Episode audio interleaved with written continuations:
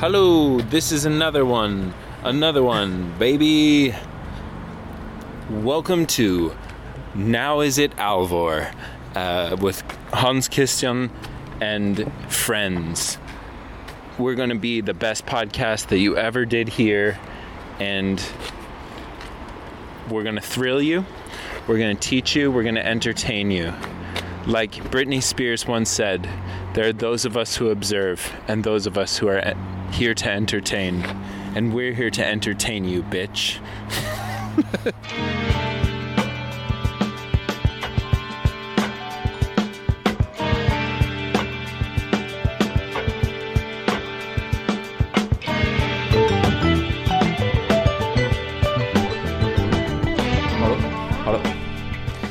All right, folkens. Da kan jeg si det at uh, det her er tagning nummer to for denne introen. Og uh, det er rett og slett fordi at uh, da jeg spilte inn intro i stad, så hadde jeg på en liten feil innstilling som gjorde at den mikrofonen jeg snakker i nå, den var helt død. Det kom ingenting inn i selve recorderen.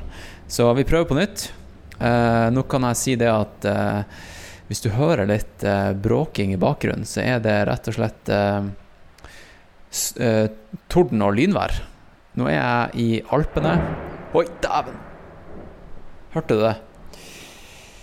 Shit, altså. Himmelen bare åpna seg opp. Det ble Fra å være liksom en helt ypperlig sommerdag i Leisin, Sveits, så ble det liksom sånn her katastrofevær. Nå hagler det og lyner og tordner ute.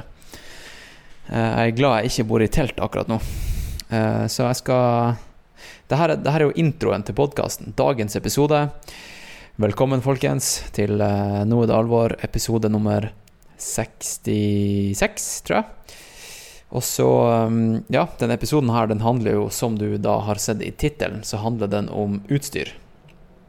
Og er det noe vi nordmenn liker, så er det snarveier Uh, og hacks, life hacks. Eh, fordi vi har nok av penger til å bruke på utstyr. Og mm, ja Jeg tror utstyr det er litt sånn her eh, Folk liker å geeke litt i det. det og så er det ganske sånn personlige ting. En god sko for deg, den kan være en dritdårlig sko for meg. Og det er litt sånn som ernæring, føler jeg. At kosthold, trender og sånt det er ganske sånn personlig for folk. Og jeg tror kanskje at uh, den praten med meg og Patrick den kommer til å få litt sånn her uh, Ja, en god, en god miks av uh, reaksjoner. Fordi at ja, vi, vi, snakker ikke stygt om noen brands, men ja, kanskje får deg til å tenke litt.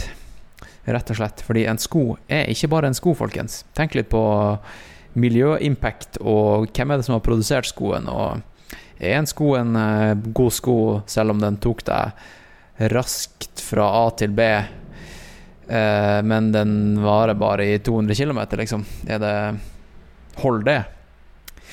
Hold det. Hvem vet? Det, det får være opp til deg. Men eh, sko, sko, og utstyr koster jo mye spenn, så vi må jo på en måte forvente litt av det. Ok, så det var litt om dagens episode. jeg ringer opp han Patrick eh, fra, fra, her i Sveits. Jeg ringer han til Norge, og så uh, snakker vi om utstyr. Det er greia. Eh, ja. Og så kan jeg jo Skal vi se her. Eh, jo, det som er så fett, er at jeg er jo crowdfunda. Og det vil si at jeg er sponsa av 131 individer som sitter hjemme og hører på podkast og tenker at det her er tidenes podkast, jeg vil støtte han Hans Christian. Og det gjør at jeg i teorien ikke trenger å være sponsa av et uh, brand eller noe sånt, eller skomerke. Og det er ikke jeg. Det gjør at jeg kan snakke helt upartisk. Og jeg er ikke et magasin som må snakke positivt om et par sko eller noe sånt der fordi at uh, de ga meg et par sko.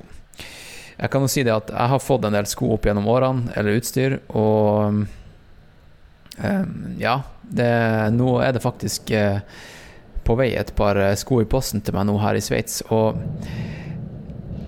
det Dæven, hører dere torden, eller? Og jeg tror det skal mye til for at jeg blir en ambassadør eller noe sånt der for et merke, for da må jeg stå inna, kunne stå innafor hele produksjonen og uh, ja være på en måte føle at jeg er ansatt i firmaet. Fordi at eh, hvorfor, hvorfor, er man sponsa, liksom? Hva er, hva er grunnen til å være sponsa? Er det fordi at du ikke har råd til et par sko? Eh, det er veldig få i Norge i hvert fall som ikke har råd, råd til et par sko. Så hvorfor da selge sjela si eh, og være en eh, posterboy for et stort merke med, der du liksom springer rundt omkring med liksom, der du bare er en smurf i blå bekledning, der det står et stort brand på brystet. Du selger jo deg sjøl. Hvorfor skal du være en del av et, en merkevare når du ikke Altså, det, det gir bare ikke mening. Du er deg sjøl. Du må springe som deg sjøl. Eh, med mindre med mindre denne merkevaren da kan gjøre at du når målene dine enklere, med å f.eks. støtte deg økonomisk med å betale flybilletter eh, til race, f.eks., eller eh, gir deg såpass mye utstyr, eller f.eks. Eh, drar deg med på treningsleir eller noe sånt der. Det må være noe mer enn bare et par sko, folkens. Så det er fett med den podkasten her og den tilværelsen jeg har akkurat nå, det er det at jeg er helt, helt upartisk. Men det er ikke vits å oute noen sko heller, eller produsenter, fordi at um, som sagt, det er liksom Et par sko for deg det kan være eh, bra, og den kan være dritdårlig for meg. Så, og det prater vi også om i podkasten, så jeg skal, ikke, jeg skal, ikke, dra ut den introen her for mye. Men eh, jeg vil i hvert fall gi en takk til alle de 131 eh, patrionsene, som de heter, eh, som støtter meg. Eh, og produksjonen av podkasten. Og hun siste som signa opp, hun heter Ingvild, så jeg vil bare ønske hun Ingvild velkommen til eh, ja, klanen, eller eh, Ja, du kan i hvert fall eh, Jeg, sendte deg en liten videohilsen da du signa opp, og en link til en invite til Slack-kanalen, som er den her chatteforumet og der du kan kommunisere med alle andre patrions. Så det, det blir fett. Da kan vi snakke litt mer om utstyr. Uh, rett og slett geeke litt i forskjellige temaer der, om eh, løping og ultraløping og, og, sånt. Så jeg gleder meg til å bli litt bedre kjent med ho Ingvild. Ja, folkens, da tror jeg at jeg egentlig bare skal trykke på play i dagens episode. Uh, og jo, jeg vil bare gi en liten rask shout-out til han Bilal, som du har hørt, du har fulgt han på podkasten i ja, to-tre episoder. Han har jo den her podkasten som heter Fight Night Oslo. Og siste episode, som ble releasa i dag, dvs. Si tirsdag 6. august, eh, så er det rett og slett bare en lang race debrief med han eh, Bilal fra Tromsø Sky Race. Fordi han sprang Tromsø Sky Race Tromsdalstiden på lørdag, som var. Og han eh, gjennomførte egentlig akkurat som jeg forventa at han skulle gjøre. Ikke bare gjennomførte han, men han klarte seg på nøyaktig, nesten på slaget, på fem timer. Så um, eh, hatten av til deg, eh, Bilal. Har, han har jo sprunget i ikke, ikke mange Dæven! Hørte dere det? det var nok et lyn som var 50 meter unna. Nå må jeg gå ut på balkongen her og sjekke, fordi at det der Det der var helt crazy, folkens. Shit, ass. Nå er denne mikrofonen litt sånn her eh, konsentrert, at den ikke tar med seg så mye lyder ved siden av eller uh, bortsett fra det, mm, det, som kommer ut av kjeften min akkurat nå. Men hvis dere hørte det der, det var det var nærmeste lynnedslaget jeg har vært borti. Um, og det er egentlig ganske sånn kjip Segway over til eh, kanskje noe jeg vil ta opp, og det er at um, det var en lytter av podkasten Eh, jeg vet hun var lytter. Jeg har snakka litt med henne, og hun, Dere har sikkert fått med dere at uh, det var ei som eh, Som rett og slett slett strøyk med i et ultraløp for et par helger siden. Hun var norsk, hun, var, eh, hun bodde i Tromsø. Og eh, ja, hun ble tatt av et lynnedslag under et eh, ultraløp. Og jeg, jeg, vet ikke hvordan jeg skal sette ord på det her, men jeg vil egentlig bare eh, markere det i podkasten, fordi at eh, den communityen her, den er ganske så liten, og alle kjenner alle. Jeg, kjenner, jeg kjente ikke henne noe, egentlig. Jeg bare chatta bitte litt med henne. Eh, men jeg vet at det er mange som jeg kjenner, som kjente henne. Eh, så derfor så tror jeg at vi starter nå denne episoden her med med et minutts stillhet. Rett og slett. Starte nå.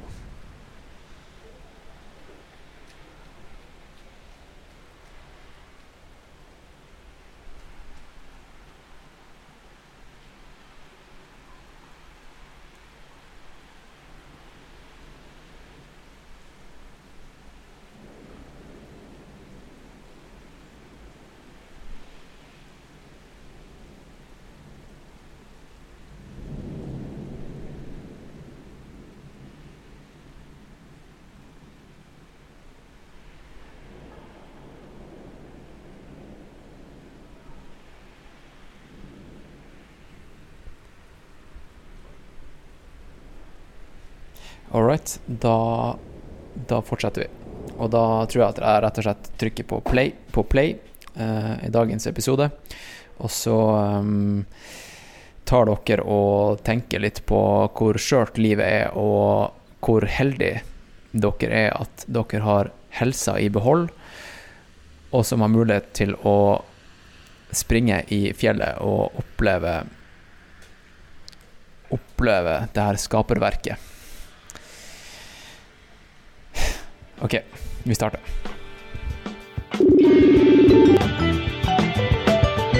Hallo? Hei, jeg kan meg der nå. Det her var nå, nå snakker vi. Ja. Nå snakker vi. Ja. Skal vi bare sette i gang, da, Da er vi i Patrick? gang. Ja. ja, vi kan jo sikkert gjøre det. ja, du hører meg bra, eller? Ja, jeg hører deg ganske greit, ja. Ja. Sikkert kan si fra hvis det blir bra, men jeg tror det skal funke bra. Ja, nice. Da kjører vi. Nå er det alvor. Episode Nå har jeg mista tellinga. Jeg tror kanskje vi er på Nå har du mistet tellinga. ja. 65, kanskje? 67? Jeg vet ikke. Ja. Sykt.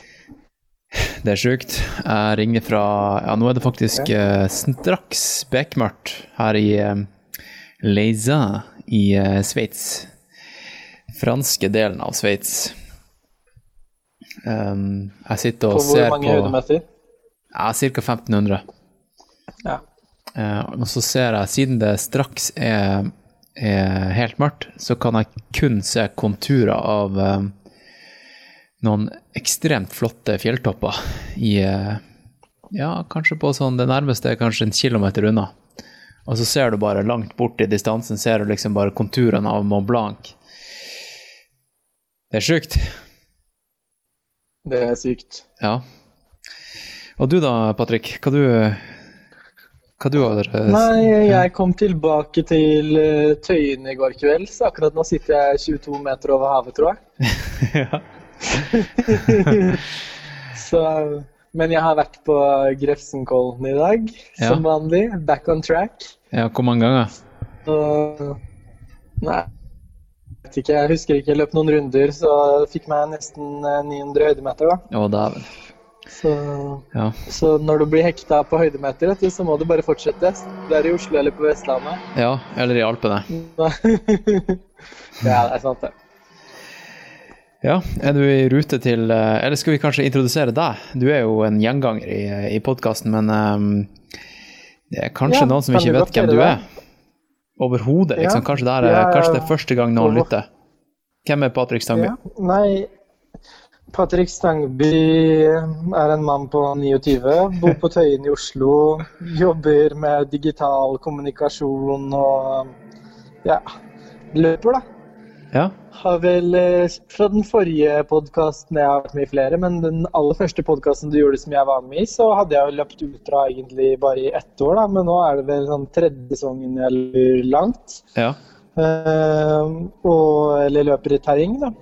Så trives godt med det. Skal snart ned til Alpene, men kom nettopp en Kall det tre ukers uh, treningscamp i Norge. ja. Hvor du har vært da? Så jeg vet ikke hva det mer er. Jeg har vært, egentlig, vært på tur, startet egentlig i Loen og ja, var rundt Stryn, området der. Og så kjørte til Hornindal, Sunnmørsalpen, har hatt base i, ja, rundt Åndalsnes på Romsdalen da, ca. siste uken nå. Rått. Har du vært heldig med været, eller? Bare for å gå Ja, rett på jeg syns jeg har vært veldig Ja. heldig. Jeg, jeg vet ikke helt hva folk forventer alltid, da, men vi hadde jo noen dager med veldig ekstremt varme. Det var til Norge å være. Det var bikka jo 30 grader. Ja, ja. Uh, og så har vi, man har hatt noe regn og noe overskyet og liksom ja, kombinasjon. Og jeg tenker jo det er jo bare å forvente, da. Ja. ja. Men du skal jo springe det her eh, CCC i eh, vi, vi skal, vi, Jeg skal møte deg, jeg kommer jo og møter deg og deg og resten av, eh, av Skyblazers eh, i Chamonix om, om eh, tre uker ca. Ja. og du skal springe det her CCC som er 100 km langt. Jepp. 101 km og 6000 høydemeter. Ja. Hvordan har du uh, preppa for det?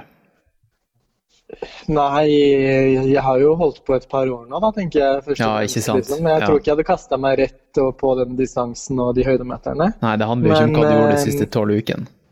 Nei, så jeg Nei. tror på en måte det å prøve å ha kontinuitet i treninga, det er det som har vært viktigst for meg. Og så prøve å bygge en base som man selv tåler, da. Eh, og det kan jo variere fra person til person og ja, i forhold til arbeidsmengde på jobb og andre ting også. Men eh, jeg har på en måte prøvd å fokusere på å øke mest mulig høydemeter i år, egentlig. da. Ikke tenkt så mye på kilometer. Selv om man har jo alltid et sånn kilometermål eller plan å forholde seg til også, så har på en måte det vært litt i, ja, kommet i andre rekke, da. Mm. Man hvor, hvor mye har du økt i år eh, i forhold til i fjor, da? Nei, jeg har jo økt ganske drastisk. Da. Nå tror jeg du fikk det med deg i går, derfor, Ja, det er derfor jeg spør du, spør. Men ja, eh, ja. Jeg tror jeg har økt 75 jeg, i høydemeter, hvis jeg husker riktig nå. Har det vært eh, målretta pga. CCC, eller er det bare for at du har blitt bitt av eh, høydemeterbasillen? Jeg tror egentlig litt sånn generelt at jeg, jeg kjente på en måte litt i fjor Kanskje det løsna noen ting løsna litt for meg i fjor. Da, da følte jeg på en måte at jeg var, kall det i forhold til nivået mitt, så var jeg relativt god til å løpe oppover. Eh, og så kjente jeg også at eh, jeg vet ikke, jeg er ikke av de raskeste nedover sånn rent teknisk, men jeg på en måte har god kontroll på det òg. Mm. Da tenkte jeg på en måte at uh, skal jeg få enda mer den edgen, da, så må jeg trene på det. Så det var liksom et bevisst valg da, å på en måte prøve å bli enda bedre på det å klatre opp og klatre ned. da. Mm. Så får man se om på en måte man får igjen for det, men jeg kjenner jo kanskje at beina er mye mer herda nå enn de har vært tidligere på det å løpe opp og ned. da. Ja. Eh, Og det er i hvert fall ofte for min del, jeg kan jo ikke snakke for andre, men i lange løp i fjellet for min del, så er det på en måte ofte på nedoverløpingen etter en viss tid da, at man føler at man kanskje begynner å bli sliten og ikke tør å løpe på så mye som man eventuelt ville gjort i trening, eller kanskje ønsker å gjøre. da. Mm. Og, og eh, både du og jeg, vi gjør jo ganske sånn her, eh, drøye løp, da. Eller de, de er ofte lange, og så er de i ganske sånn eh, ja, ganske røft terreng. Det er veldig sjelden at vi gjør asfaltrace, bortsett fra det er Bislett 50 som eh, ja, Vi begge trente jo til det i vinter, men du, du, du sprang jo faktisk løpet. Eh, og det, det krever ikke så veldig mye av, av utstyr, egentlig. Du trenger egentlig Nei. bare et par, eh, par løpesko og en split shorts og en singlet. Eh, men eh, vi, får fall, vi får i hvert fall satt utstyret på en skikkelig prøve når vi er ute og, og trener i, i fjell og, og sånt, og, og spesielt i race. Ja, helt Og det er egentlig det som er temaet i dagens eh, episode, det er jo utstyr. Og er det noe som eh, ja, kan gi mye glede og mye frustrasjon, så er det, så er det faen meg utstyr. Ja, Det er jeg helt enig i. Det tror jeg også Ja. på en måte har vært noe av fascinasjonen min, særlig kanskje også fra man begynte da, å løpe mer i terreng også. Så er det jo dette å kalle det manøvrere og prøve å finne hva som faktisk fungerer og hva man trenger. da. Mm. Eh, Og så prøve å optimalisere det over tid. Eh, Så tror jeg kanskje også at jeg har fått et noe mer avslappet forhold til utstyr enn jeg kanskje hadde rent sånn ja, initielt eller i starten. da. Eh, Men det tror jeg også er at det kanskje man, man er ny, og så syns man det er veldig gøy. ikke sant? Det er mye type utstyr som du sier som man ikke trenger idet man løper et asfaltløp. Ja. Eh, Og samtidig så er det også det at eh, kanskje man er usikker på andre evner og liksom egen prestasjon i forhold til form, da. Og så skal man noen ganger kanskje overkompensere litt med tanke på utstyret. Eh, Men det er ikke for å ta noe bort fra utstyret heller. Jeg er fortsatt latterlig opptatt av utstyr og vil at det skal fungere. Men jeg har kanskje blitt sånn litt roligere med tanke på at eh, Ja, eh, jeg vet ikke, jeg sånn Eller kanskje man bare har blitt veldig vant til det òg, at man vet at ting fungerer. ja, du har Men kanskje, rund, tenker- du har kanskje runda utstyret, da. Du vet, Ja, du har vært innom alle har gjort det er mer det. Du har vært innom alle dingsene og de fleste merkene. Du vet hva det går i. Ja. Det er vel kanskje Så det. man, eh, Ja. ja. man har på en måte blitt litt mer avslappet forhold, eller fått noe mer avslappet forhold fordi man faktisk forstår hva tingene er. da. Man, er liksom, man tror ikke lenger helt på den der marketing-pitchen eller hva en selger på en stand kvelden før et løp øver å stå og si. da. Man vet at man kanskje løper mer enn den selgeren og kanskje løper bedre. og kan godt være at vedkommende har bedre peiling på sko selv om man ikke løper kjempebra. Men man blir altså litt satt ut i det. når man prøver å overbevise dem at du skal løpe med et par andre sko på race-dagen, da, når de står der kvelden før. Ja, og så er det jo Det kan være bra frustrerende for nybegynnere. Um, og spesielt nybegynnere i Norge, fordi at nordmenn har jo ofte penger nok til å kjøpe det utstyret som trengs. Ja, Ikke sant? det, Så er jo- også. Så jeg ja. tror mange på en måte hopper inn og kjøper ting som de også kanskje ikke trenger. da. Det har jo jeg også det, gjort noen ganger. Ja, ja. Men en annen ting jeg tror kanskje er frustrerende for nordmenn, og egentlig sånn problematikk som jeg har møtt på i det siste, det er jo at både du og jeg har jo i hvert fall til en viss grad trent veldig mye med sko som ofte fra noen merker i hvert fall blir markedsført som konkurransesko. da. Eh, Og Det handler ofte om at kanskje man er ute etter en viss løpsfølelse også på trening, og man syns det er gøy å løpe med den type sko. Men også handler det om å trene med de skoene man ønsker å løpe løp med, da, for min del. Eh, Men norsk terreng er også ganske røft. da. Nå har du sikkert fått møtt en del eh, røft terreng både i Alpene og i Andorra. ja. Men eh, man, det er jo mye stein og stier som på en måte ikke er veldig ja, De er liksom ikke så grooma, da. De er liksom ikke pynta på. De har ikke fjernet kvister og steiner. og Det er, liksom- det er tøft, da.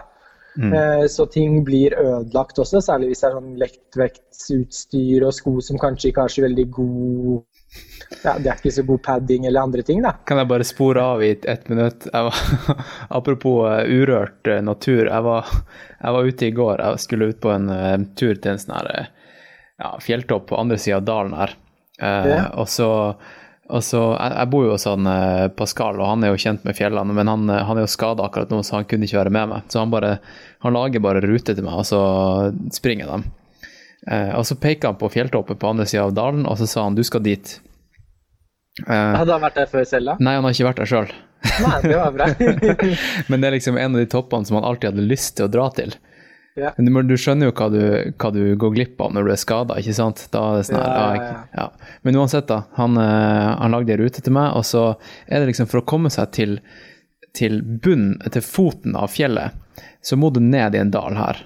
Og eh, det jeg ikke visste da, var at på liksom det som herfra fra balkongen ser ut som at det er bunnen av dalen, det er bare starten på et stup som går 500 høydemeter rett ned, før fjellet på andre sida faktisk begynner. Ja.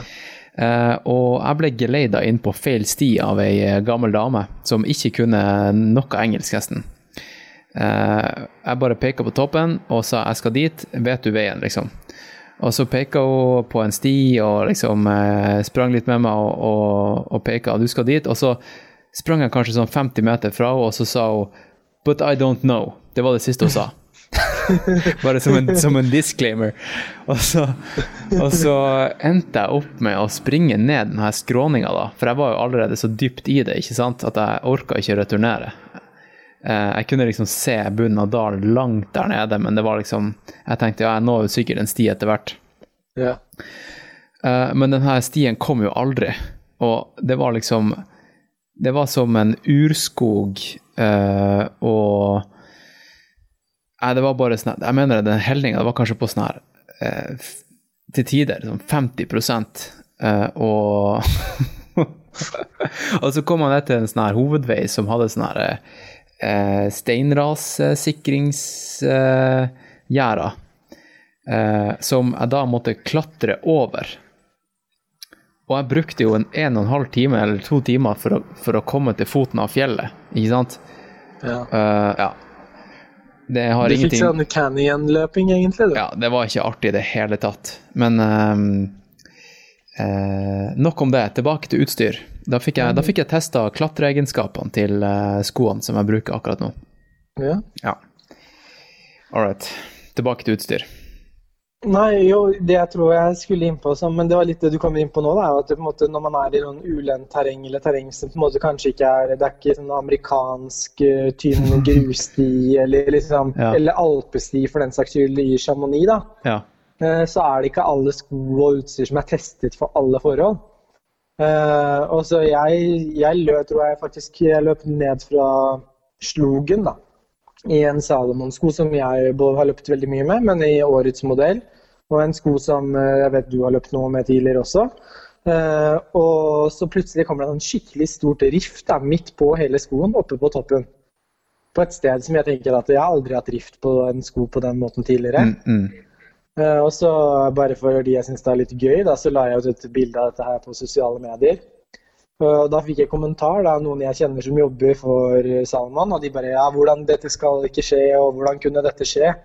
Eh, De skoene er testet av eliteutøvere i Frankrike og bla, bla, bla, bla, bla. Og da svarte jeg egentlig at du får teste de av liksom eh, ja, normale folk i Norge, da. Ja, ikke sant. Fordi, fordi det, det holdt ikke her i dag, jeg. Og det, for meg er det fortsatt en god sko. da. Jeg kommer fortsatt til å løpe med den skoen. Eh, og jeg vet ikke helt om jeg kunne hatt noen forventning om at et sånn type materiale skulle tåles veldig mye mer i den type fjellterreng heller.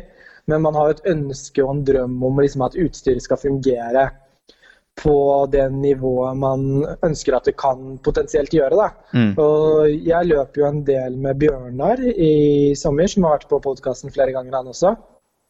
Sidespor-Bjørnar. Sidesporbjørnar. også- ja. Mm. Eh, Og vi snakket litt om utstyr, da. Ja, han, Eh, han er jo veldig glad i utstyr. Han er veldig glad i utstyr. Ja. Han, har, han, har opp, han har opplevd et, eller en problematikk som jeg har opplevd i flere år, jeg også. Og som er at eh, en del type T-skjorter eller overdeler, da, eh, de blir liksom Idet man får friksjon mot vesten, Mm. så nupp, nupper det veldig fort, eller så blir det stygt akkurat eh, der. Ja. Og det høres jo helt idiot ut å sitte og snakke om det her, da. Ja, ja, men, Men vi, vi, det nå skal vi liksom gå i detalj. Folk, Ja, men det, det folk kan elsker det. irritere, ikke sant? Ja. Og så Bjørnar sa da han skjønner ikke hvorfor noen av disse merkene bare ikke lagde én T-skjorte som ikke på en måte hadde den problematikken. da. En nuppefri T-skjorte. En nuppefri T-skjorte idet du har, frik har friksjon mot vest. Ja, som en strykefri skjorte på Dressmann. Ja, og så, ja, Ja. og så kan vi tenke at det her er liksom et problem som de sikkert har kommet over. Ja.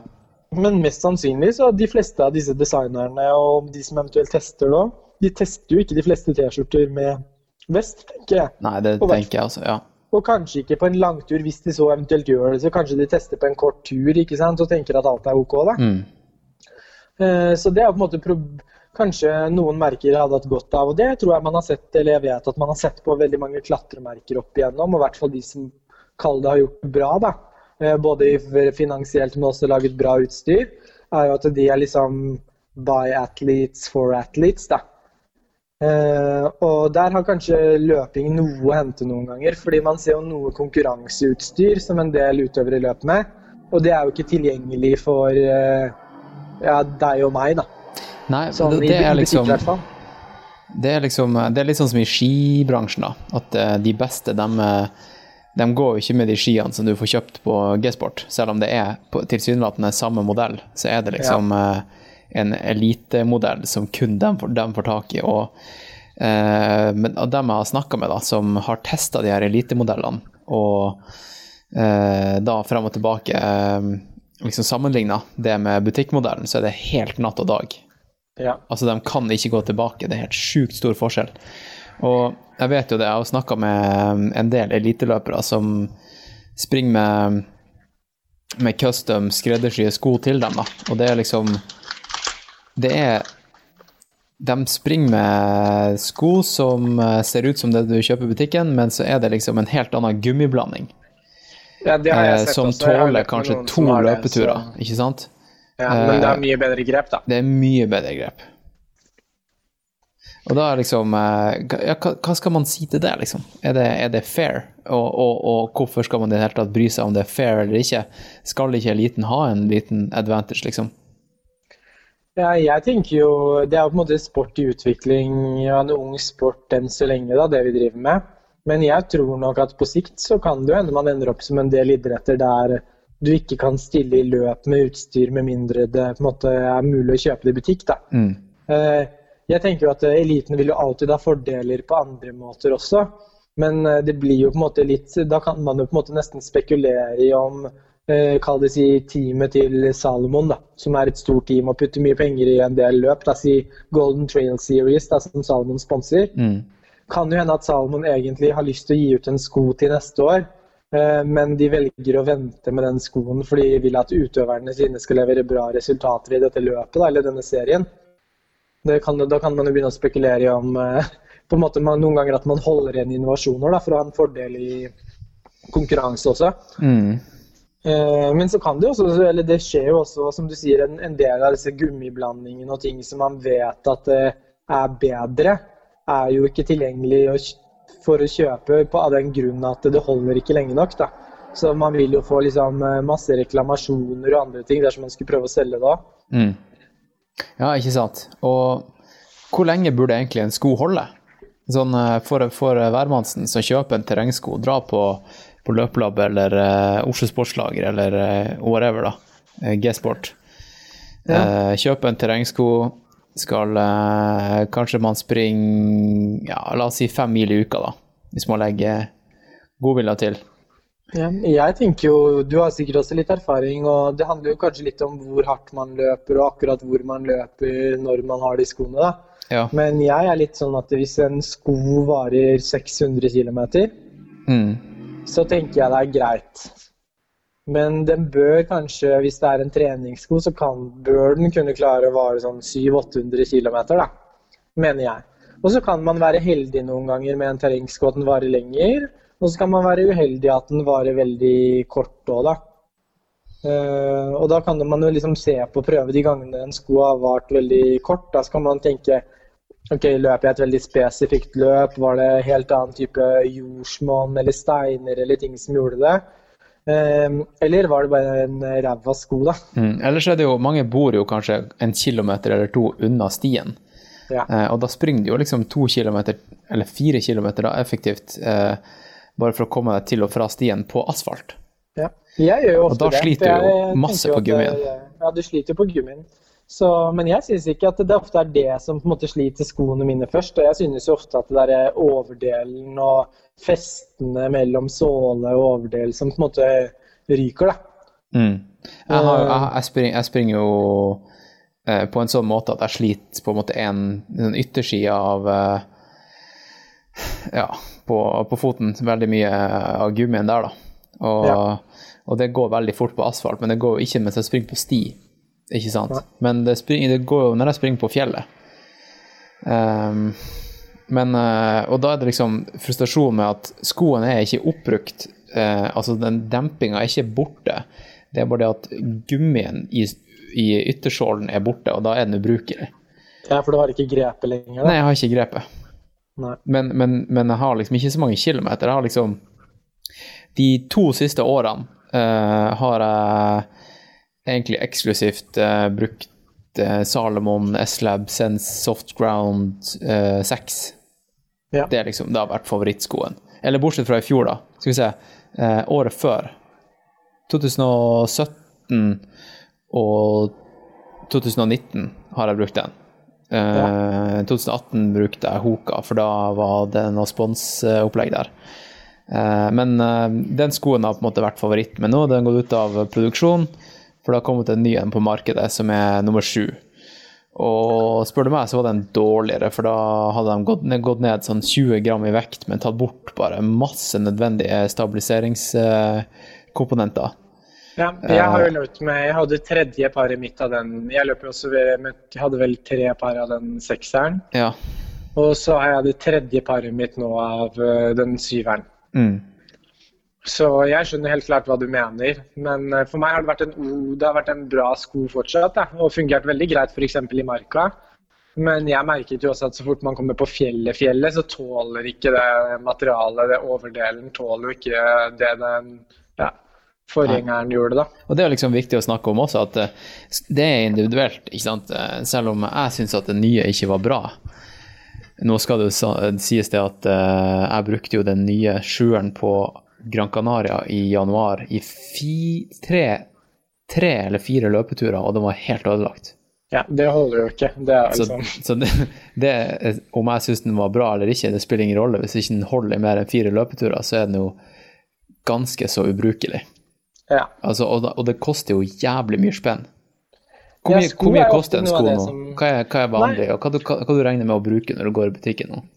Jeg vet jo at jeg tenker at Hvis man skal ha de konkurransemodellene eller på en måte det øvre sjiktet av de fleste merkene, da, som jeg tenker ja. de fleste som løper en del vil ha, så må man ut i dag må man ut med hvert mellom Hvis man begynner i det lavere sjiktet, så må man ut med 1600 kroner, tenker jeg. Og så må man opp mot kanskje 2-2, da vet jeg et par Dynafit-modeller og noen andre ligger på. Mm. Også terrengsko i dag. Så, men de fleste ligger vel kanskje rundt 1800-1900, vil jeg tro, da. Ja, ja, og den Softground 7-eren den er jo egentlig en konkurransesko, så jeg ja. burde jo egentlig ikke klage. Altså, Hvis man sammenligner det med 4% til Nike, Nei, den holder jo ikke så mye, den heller. Nei, de holder ikke så mye, men ja. De sier jo det er konkurransesko, men jeg vet ikke noen ganger om det er liksom om det, er for å ja. slippe unna eller å på en måte virke kulere, da. Men jeg har jo sett masse folk i fjellet i Norge i, i sommer da, som også går tur. Folk på Vestlandet og sånn, som bruker disse skoene som en vanlig tursko. da. Eh, for det er jo på en måte jeg kaller det en bra terrengsko. Så jeg, jeg, vil jo også tro ofte at en del av disse konkurransemodellene er folk som på en måte kaller det er mye ute, ender jo opp med å kjøpe de som vanlige sko.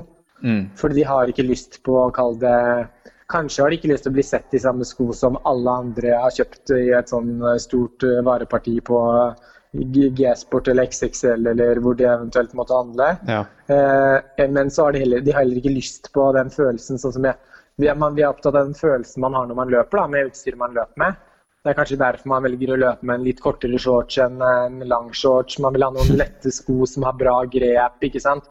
Man er ute etter en følelse når man eh, er ute. da. Mm. Og det type utstyret gir i større grad den følelsen enn eh, en sko som veier 320 gram. da. Ja. Du, vi, du, vi, har jo prøvd en del modeller. Selv om jeg har eh, konkurrert i denne modellen som jeg snakka så varmt om nettopp, så har jeg jo faktisk eh, trent med å teste ufattelig mange forskjellige merker. Så jeg, jeg, vet, jeg, vet, jo hva jeg snakker om. Jeg er ikke bare en sånn her eh, Salomon Kis som eh, har en podkast. Eh, jeg har jo sprunget med masse forskjellig. Så jeg skal prøve, jeg skal prøve å, å, ramse opp eh, Skarpa, Eh, altså nå, nå, skal jeg nevne sko som jeg har slitt, slitt ut helt, ikke sant? Ikke bare testa. Eh, Skarpa, eh, Scott, eh, Hoka, masse modeller der. Um, skal vi se, Hvilke andre modeller, Patrick? Du har, du, vi har sprunget masse sammen. Um, ja, jeg har løpt mye med Jeg har også løpt med et par Hoka-modeller. Mm. Og så har jeg løpt med Faktisk, jeg begynte å løpe med, med en del Nike-terrengsko. Og så var det en god periode jeg testet en del Adidas terrengsko. Ja, jeg testa også Adidas eh, NTRX-sko. Ja. Og, og, så har jeg løpt med et par eh, Innovate. Du, jeg har sprunget med Innovate uh, Crosstellon 212 i gamle dager. Det var en favoritt. Og så har jeg sprunget med uh, Hva heter det svenske merket? Som man uh, Salming? Salming, ja. Ja. ja. Det eneste merket som jeg vet mange folk som kanskje hører på podkasten, løper med, som jeg, jeg, aldri har løpt med, og som jeg eller jeg har prøvd, men jeg har ikke løpt med det over tid, som jeg vet ikke om du har løpt med, er Altra. da. Jo, jeg, var, jeg har hatt et par modeller av Altra. Jeg var ambassadør i, for noen år siden. Ja. Eh, men så slutta jeg å være ambassadør, fordi at eh, for å være ambassadør så burde man jo digge et merke. Ja. Eh, du trodde jeg, ikke på nulldroppen? Og plutselig så ble jeg skada av nulldroppen, og da kan man ikke gå rundt og være en ambassadør for det. Ja. Så da, da slutter jeg med det. Noe må være galt med deg da hvis du ble skada av nulldropp. Du blir jo aldri skada hvis du løper med nulldropp, er det ikke det som er pitchen? Ja, det er vel det. Ja. Var det ikke ett år på Ecotrail at, eh, at eh, Altra sponsa Ecotrail, og så ga de ut et gratis par til alle deltakerne? Og så var det sykt mange lærte. Ja, så var det sykt mange som bare tok det, det, det, det helt freshe, boksfreshe paret Mm. og bare stilte til start med dem. Og bare Ja, jeg vet ikke hvordan det gikk, men uh, det er jo en eh, gambling, det der. Ja. Ja. ja, men jeg tror det er litt en søken folk har etter at utstyret skal måte hjelpe dem med den der siste edgen de skal få. da. Mm. At det til og med kvelden før løpet, du har gjort treningen du skal gjøre, du har gjort alle forberedelsene, alt er klart, og så ender du opp med å eh, bytte sko, da. ja. Det er sånn. ja. Ja. Eller sånn som jeg gjorde da på, ja, på komme på Dråsa Skyrace nå sist. Jeg, jeg ødela Eller den der Jeg hadde, jeg hadde en, et løpebelte som jeg hadde faktisk bytta til meg av han eh, Sidesporbjørnar på et sånn her ultrabytte-gear-kveld. Eh, den revna da, et par dager før eh, racet. Og jeg hadde lyst til å springe med belte, for det er ganske Det skulle jo i teorien bare vare to og en halv, tre timer. Og det, Ja. det gjorde det jo. Eh, og um, da gikk jeg, og så kjøpte jeg Fordi Innovate hadde en sånn stand på, i startområdet dagen før. Så kjøpte jeg et Innovate-belte, fordi jeg tenkte belte det er ikke noe hokus pokus, det er bare et belte, ikke sant? Men dæven, altså. Et belte, der kan du fucke mye opp. Og med et basic belte. Og Innovate, eh, jeg digger dere Innovate, men eh, det der beltet der, det, det kunne dere eh, bare droppa og sendt ut i produksjon.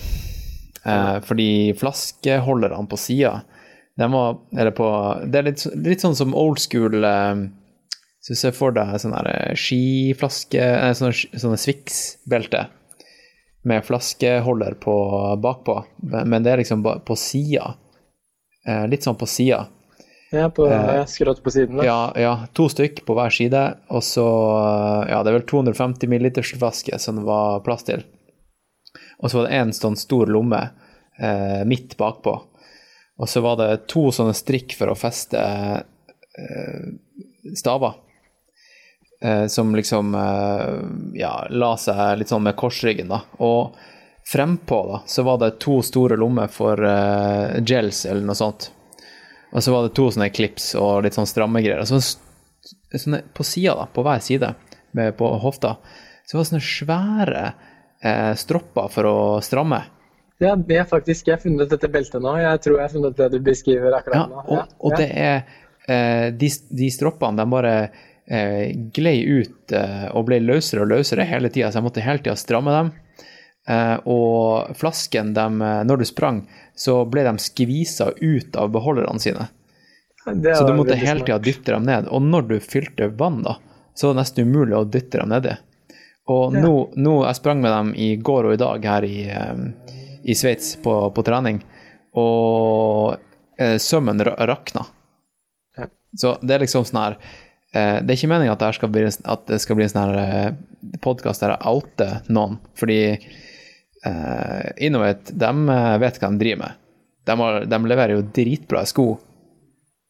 De gjør jo det. Det er jo mange som er Ja, kjempeglade ja, i dem. Jeg syns de er kjempebra sko. og- Ja, de har vært fornøyd med de, det paret jeg løp med. Ja, ja. Men, men det er liksom ikke Det er ingen som er helt perfekte, da. Men det er liksom bare på sånne her ting, da. Um, Jeg tror jo også det som ofte skjer noen ganger, da, er at eh, ja, sånn er det jo med alle firmaer. da, Man ønsker jo på en måte å utvide til kategorier man kanskje ikke er helt ekspert på. Og så Ja, er de veldig gode på sko, ikke sant. ja. Og så, Du løper jo for et skomerke i fjor også, vi har jo nevnt det, så de som er smarte nok, klarer å skjønne hvilket. Vi trenger ikke å snakke om det. Nei. Og de prøver jo å lage veldig mye klær i tillegg, da. Og det ser vi jo liksom noen ganger. Der funker det, og de har liksom samarbeid med folk som lager bra ting, og de får laget OK ting. Men det løper jo rundt en gjeng med liksom 50 stykker nede i Chamonix i fjor. eh, Med noe som så ut som sånne der, eh, firmadresser, liksom. Sånn du kan bare putte et merke ditt på, ikke sant? ja, ikke sant? Det er sånn der, eh, og, og, så ser du liksom at det er folk som f.eks. løper for Northface, som på en måte er et merke som er kjent for å lage ekspedisjonsutstyr og klatreutstyr for ekstremt vær. Mm. De løper rundt med helt annet kvalitet uh, på liksom De kaller det tracksuiten og ting de går med, også kaller det mellomløp. Ja. Og det vitner jo bare om måte, litt annet kvalitetsfokus. Og nå sier jo ikke jeg at det ene merket lager noe bedre sko enn det andre av den grunn, uh, men det viser Nei, fordi Northface er, er ikke kjent for å ha så veldig bra løpesko. Jeg har sprunget med to de par. Fokus, ah, ja. De har ikke hatt fokus på det, ikke sant? Nei, men de nei. kan lage andre ting, da. Nå har de da det. Kan, ja. Jeg har ikke prøvd det nye paret, eh, men den, den, den, siste modellen skal visstnok være ganske grei. Ja, nei, jeg hørte det også. Jeg har heller ikke, jeg har ikke sett de faktisk i Norge i butikk heller, men de prøver, da, prøver de, da prøver de plutselig å lage sko, og så prøver de andre å lage klær, da kan jo hende at det ikke alle er ment for å lage alt også. Uh, og det er jo kanskje noe av det man må tenke på også i det man snakker med det. Vi er jo veldig mange i det lille miljøet vårt i Norge som på en måte er ambassadører og, eller har en sponsor. da. Uh, og de pusher jo veldig hardt på det ene merket de er ambassadør eller mm. har spons fra. Mm. Og, det, og, det, er helt naturlig, men jeg tenker jo at man skal ikke ta altfor god fisk i alt det alle de plutselig sier. da. For det er jo ikke nødvendigvis sånn at uh, alle merker har det beste utstyret. Uh, jeg så f.eks. allerede nå, vi kan jo oute de da, fordi jeg, jeg kommenterte til de, de har ikke svart meg heller, men jeg så at uh, Dæhlie skulle ha et sånn derre testrun Lofoten extreme conditions sign up-greiene. Okay. At du kunne løpe med Dæhlie sånn i Lofoten. Ja.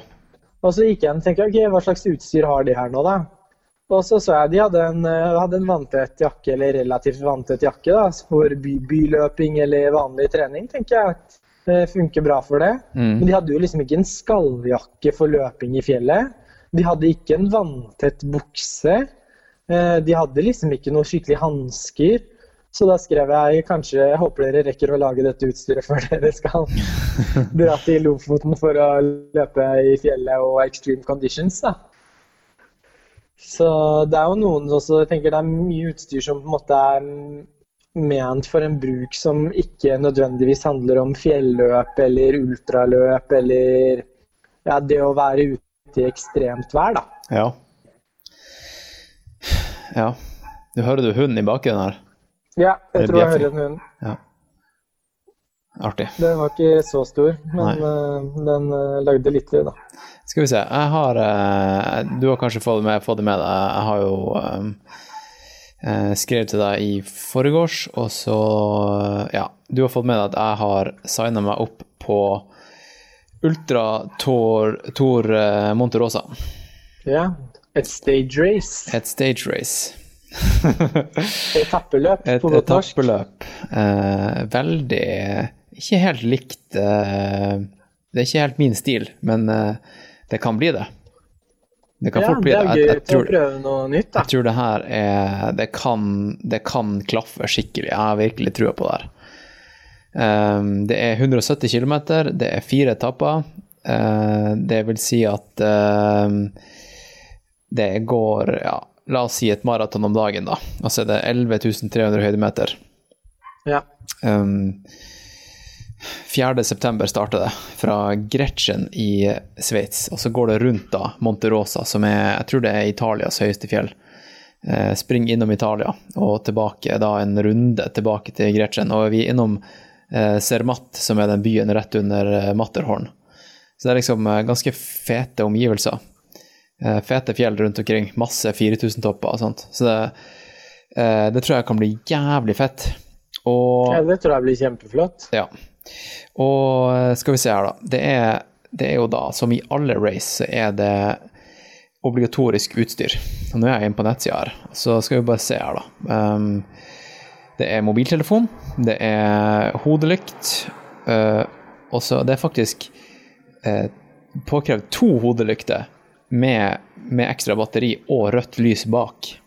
Ja. Eh, fordi det står her Eh, en, en hodelykt kan tilfeldigvis bli skrudd på og ligge i sekken og bli utlada.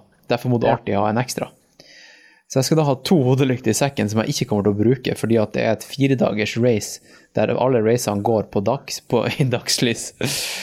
uh, og så er det da ja, kapasitet til å bære med seg 1,5 liter vann, eller væske. Eh, nødmatrasjoner skal vi se, i en ziplock-bag med 400 kalorier. Og så er det en emergency bivy bag, altså en sånn her eh, Ja. hva, hva er dette på norsk? En, eh, Det, jeg vet ikke hva det faktisk heter på norsk. Bi- Bivi, man sier vel bivi òg, men det er vel en overtrekkspose, da. ja, det er vel, det. se for deg, se for deg en, en tynn eh, sovepose som uh, egentlig bare Er er av sånn type er vanntett, og så har den sånn der type folie uh, som gjør at du holder varmen, da. Survival blanket, rett og slett. Ja, folk vet hva jeg snakker om. Uh, ei fløyte, og så er det elastisk bandasje slash strapping. Og så er det drikkekopp, eh, fordi at eh, det er ikke alltid på alle stasjoner at det er eh, kopper og, og sånt. Det er jo veldig, veldig i, i vind nå å ikke ha en, engangskopper på stasjonene. Eh, og så er det waterproof jacket with hood.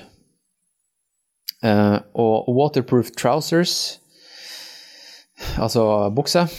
Ja. Så det er lange eh, eh, long sleeve thermal top layer, det vil si en eh, langarma eh, varm eh, overdel. Og long running trousers or trousers that covers over the knee, det vil si en tights, vil jeg si. Ja, for eksempel. Ja, og en varm lue, hansker, GPS-tracker, og det får man utdelt av arrangøren. Identitetspapir, altså pass, og et thermal windproof layer. Det kan være en overtrekksjakke som bare er vindtett. Ok, så det var, det var lista.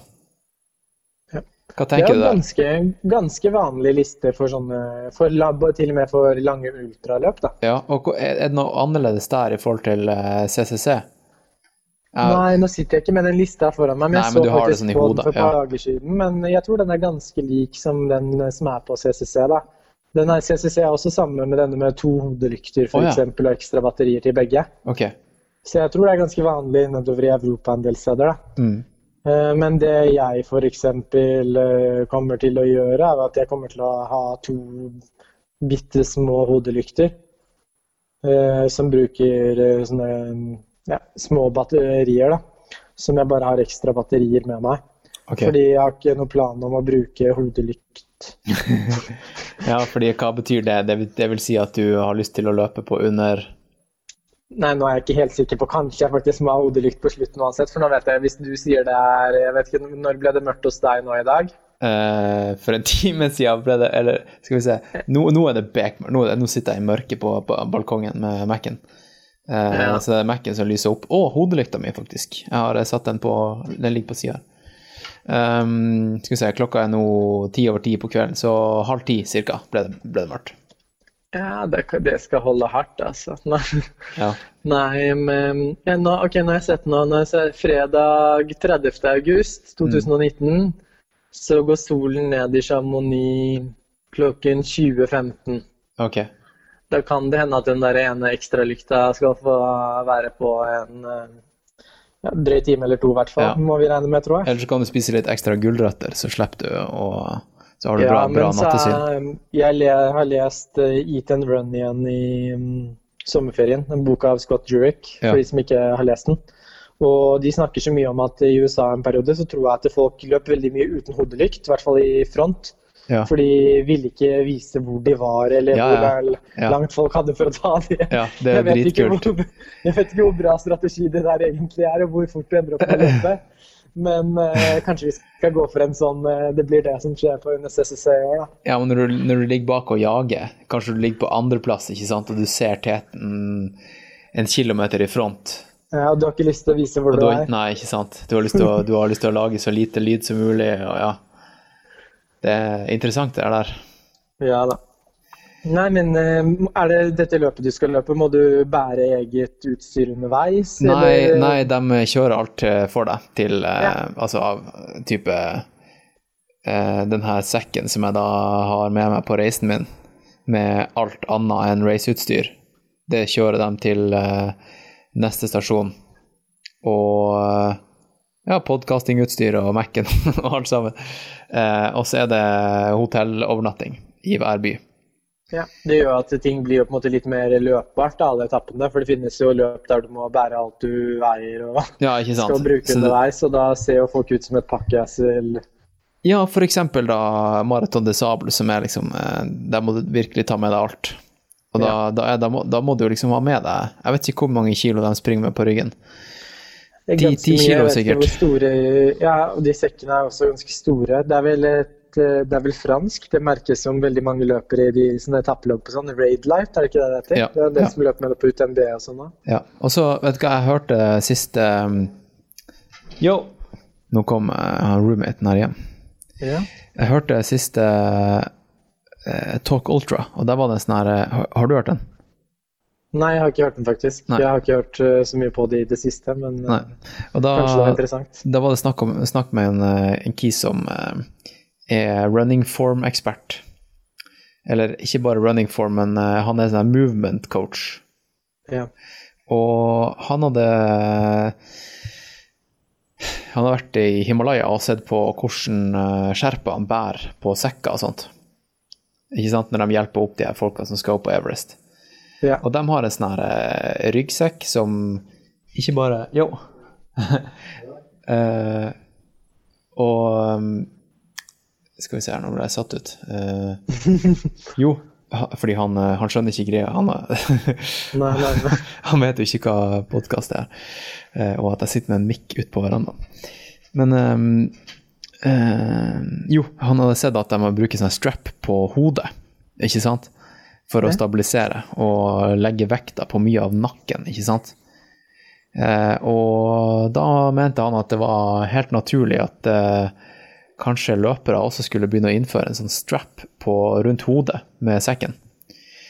Eh, Og da sa han da Ian Corliss, da, han som er programlederen i Talk Ultra, at eh, vet du hva, det her var, denne strappen her, som du snakker om nå, som du tror at du kom på som en briljant idé nettopp, den har vært på, eh, på den offisielle Marathon de Sable-sekken i fem år. Ja. Som en sånn her eh, frivillig liten sånn strap som ligger øverst bak i nakken, som du kan bare ta ut og feste til hodet, men det er ingen som bruker den. Nei. Og den heter faktisk eh, Nepal Strap eller noe sånt.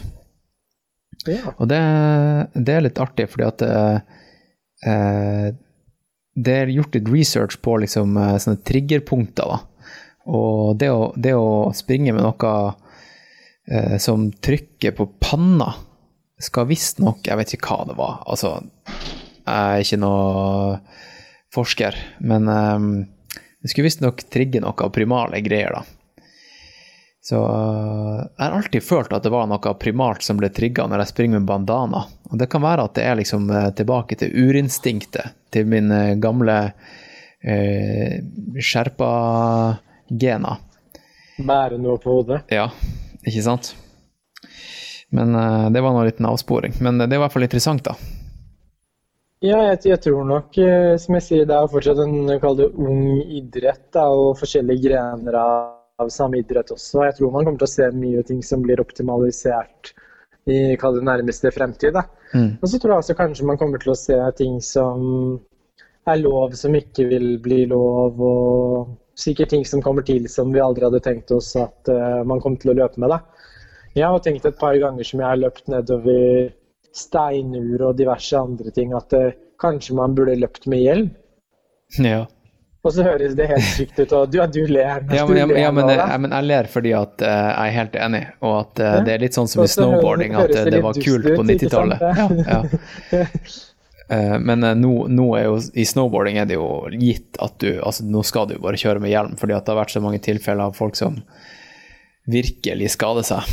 Ja. Men uh, det skal bare én skade til nå før, før det er obligatorisk i alle race. Ja, første gang ser du Du tenker at du ser en eller annen klatrer som kommer løpende med hjelm, da, men så er det kanskje en løper, da. Ja, men her i, Eh. her i Alpene så springer folk eh, til og fra sånne her klatrevegger eller via ferrata-vegger, og Ja. da har de jo eh, sånn her superlett hjelm på hodet. Mm. Så det, er jo ikke noe, det ser jo ikke noe dumt ut, det ser jo bare fett ut. Det ser ut som en eh, ordentlig alpinist. Nei, jeg har tatt meg selv i å løpe rundt med isøks i hele sommer bare fordi de ser kult ut. Nei. Nei, nei. Men hva du tenker om eh, om um, Hva du tenker om de her forskjellige merkene rundt omkring? Sånn, skal, vi, skal, vi, snakke litt om dem? For jeg tror, jeg tror folk er, nå, har, nå har vi snakka liksom om prinsippet med utstyr. Ja. Jeg tror uh, norske publikummet, da, eller skandinaviske publikummet, de blir jo veldig sånn de blir gira når de ser de her testene i Runners World, for det er så konkret. liksom. Denne mm. årets 2019s terrengsko, nå har vi testa alt, her er svaret, de her må du kjøpe. Ja. Hva du tenker jeg om det? Tror... Altså, skal vi være litt konkrete her nå, og skal vi kanskje kritisere de her testene litt? Ja, jeg tror det første man kan kritisere med disse testene, da, er jo at eh, Sånn er det jo alle markeder, da, men Norge er også et lite marked. Det er jo at disse ofte liksom Det er jo på en måte de som er importører av visse merker i Norge, da. Som pusher eller trer ting nedover halsen på disse magasinene. ikke sant? Det er jo helt vanlig sånn uh, PR-strategi, jeg forstår det. Men det gjør jo altså ofte, ofte, ofte at det liksom bredden i det utstyret de har i testene sine, det er liksom bare det som er tilgjengelig i Norge, da. Mm. Uh, så når du snakket om offisielle sekken for uh, Marathon de Sable, så er vel det det er helt, heter vel hva, gjør det ikke det? WAA, det merket som har hatt de offisielle. Og så har du sånn Raid Light og sånn som gjør andre ting. Det er jo to merker som f.eks. ikke er tilgjengelig i Norge, så vidt jeg vet. da. Mm. Det er ikke sikkert de kommer, det er noe behov for at de skal være tilgjengelige i Norge heller, fordi det er ikke så mange som kanskje driver med akkurat uh, den type løp. Men de vil jo da på en måte aldri være en del av tester. Så hvis du skal teste vester, da, så er jo disse alltid utelukket fra disse testene. Og så er det kanskje en Salomon-vest med, og så de siste kanskje to årene så har det blitt en del Ultimate Direction i Norge også. Ja. Fordi det er på en måte har blitt pushet på det. da. Og, og, det er jo ikke noe at disse, masse av disse merkene ikke lager bra produkter, men disse testene viser jo da på en måte bare et veldig lite spekter. da. Og akkurat de modellene som uh, journalistene har fått tilgang på. Eh, så jeg føler jo liksom ofte at det ikke er veldig sånn jeg kaller researchen om hvilke modeller man skal teste. Da. Kanskje ikke, Den ligger liksom ikke på uh, artikkelforfatter sin uh, side. Da. De har bare tatt det de får tak i. Da. Mm. Ja. Nei, det, det, er vanskelig, der, for det de får tak i, det er også det vanlige folk får tak i.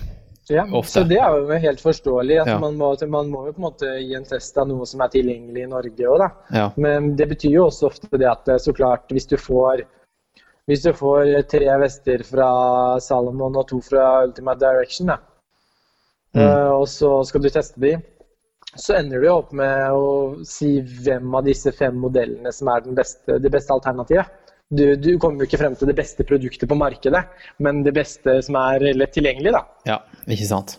Ja. Og det passer, det passer, nok for folk flest, da, men jeg personlig leser ikke den type tester lenger. Jeg gjør det for det er kjempeartig å lese deres perspektiv. Ja.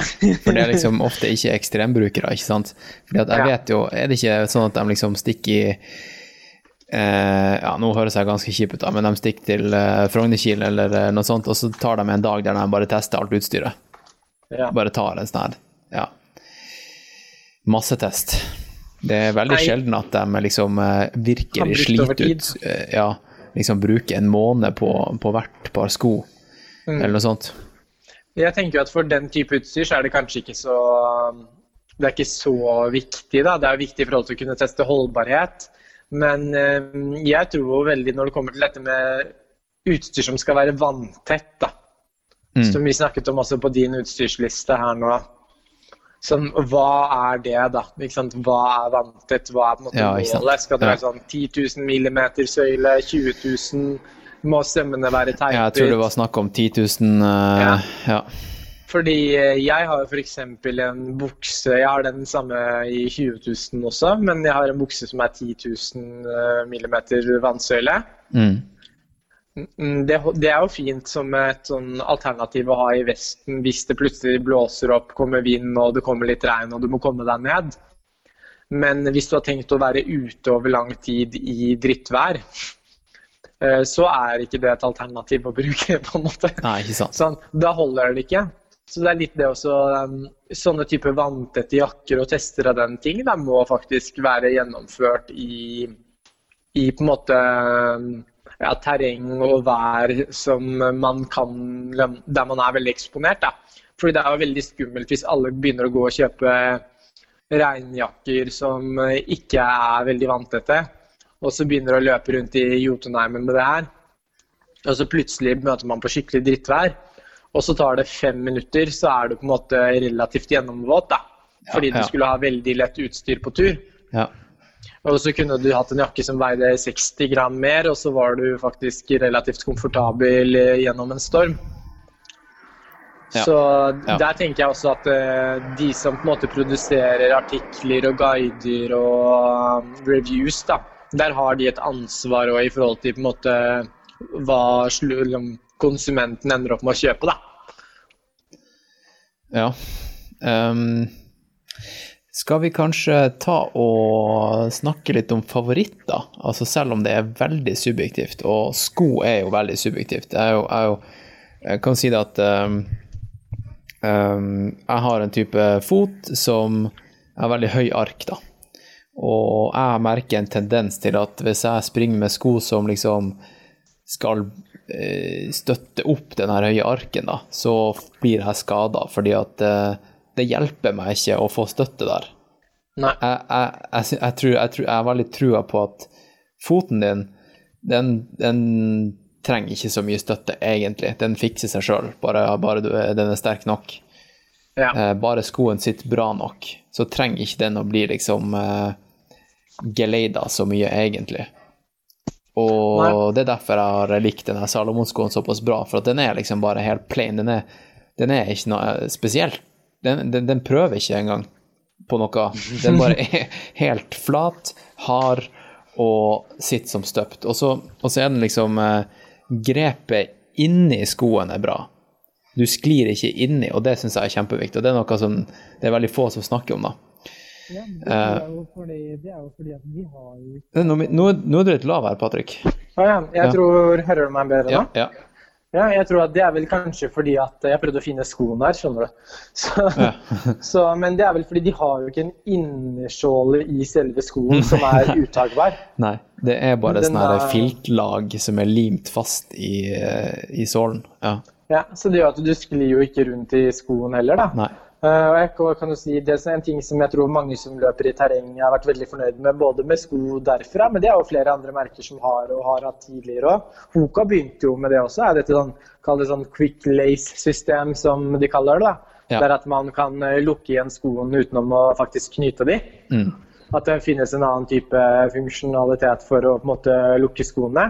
Og det er jo veldig fint det man får gjørme på lisser og ting, og kanskje har en tendens til å gå opp da, i større Ja, grad. eller, eller også, nå skal du høre, hvis du får eh, stein inni skoen eh, Ja, og og må ta av deg skoen, så er det faktisk Ja. ganske enkelt å ta av og på seg skoen med det her quick lay-systemet. Og hvis du har da snørt på og kanskje teipa igjen lissa, sånn som mange gjør da i race, eh, for å liksom eh, forsegle den ordentlig, så er det liksom Det tar ti minutter å få på, av og på seg skoen.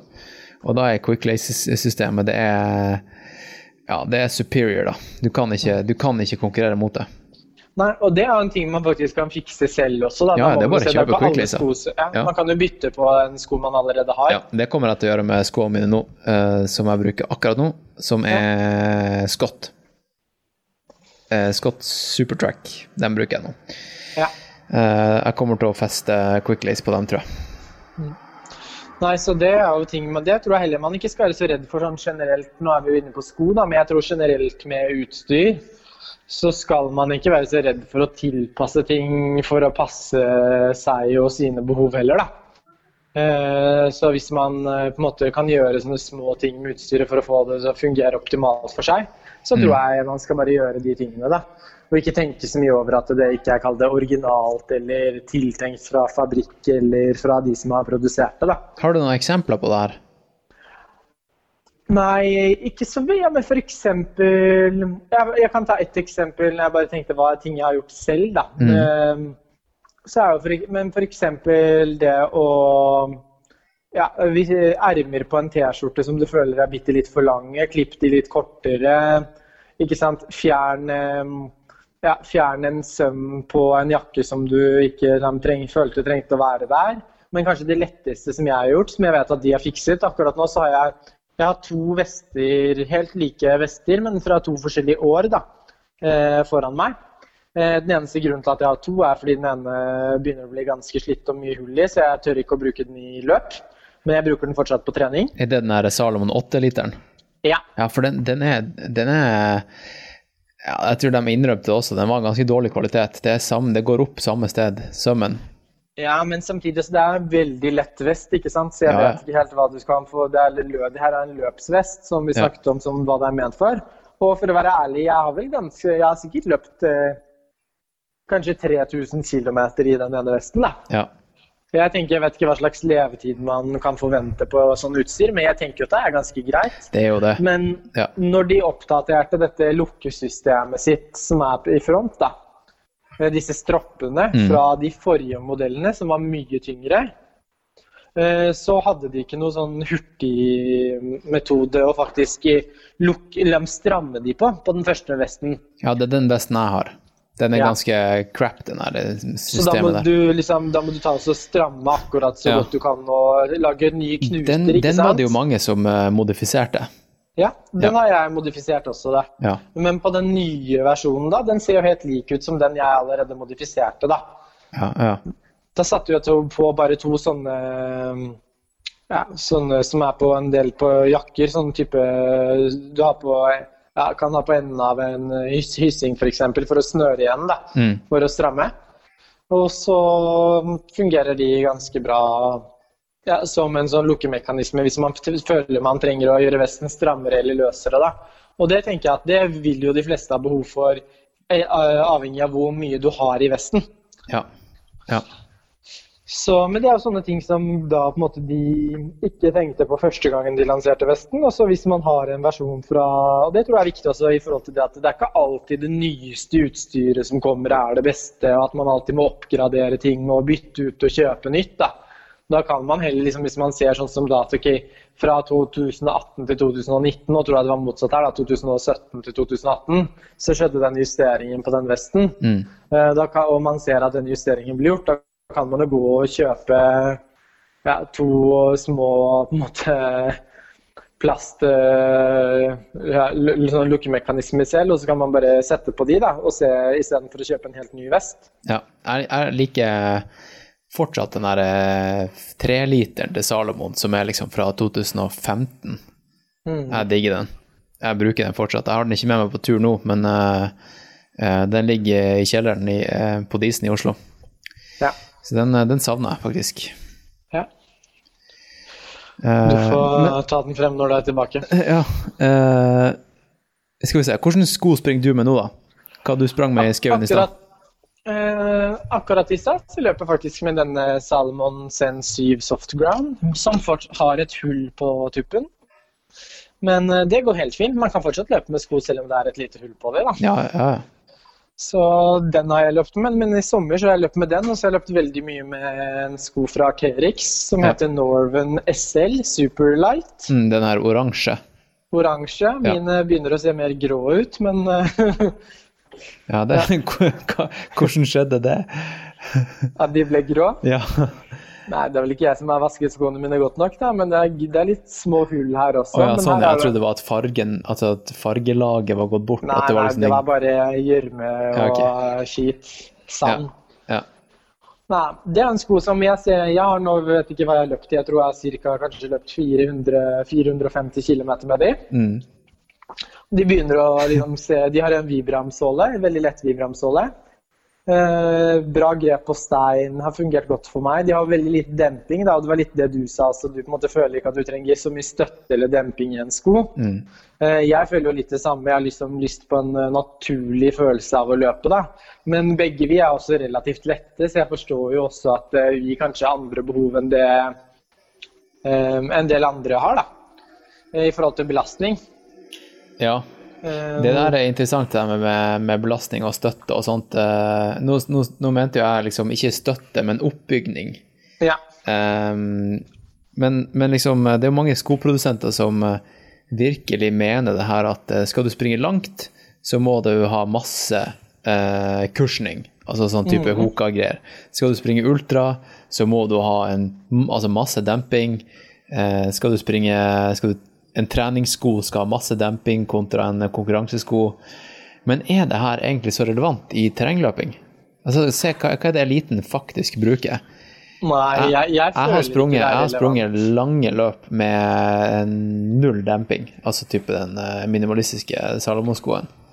Ja, jeg også har jo løpt eh, alle mine løp med den type sko. Eh, jeg, det eneste jeg tenker er at hvis det er løp der det er veldig mye asfalt, så kanskje man ville ha litt mer demping over tid. Ja, det er en For annen jeg, sak. jeg, jeg har ikke noe erfaring med å løpe uh, ja, jeg, har maks, jeg har løpt 50 km på asfalt. Da. Det er det lengste jeg har løpt. Du, jeg så jo på Bislett 24, der var det jo artig stilstudie og uh, utstyrsstudie.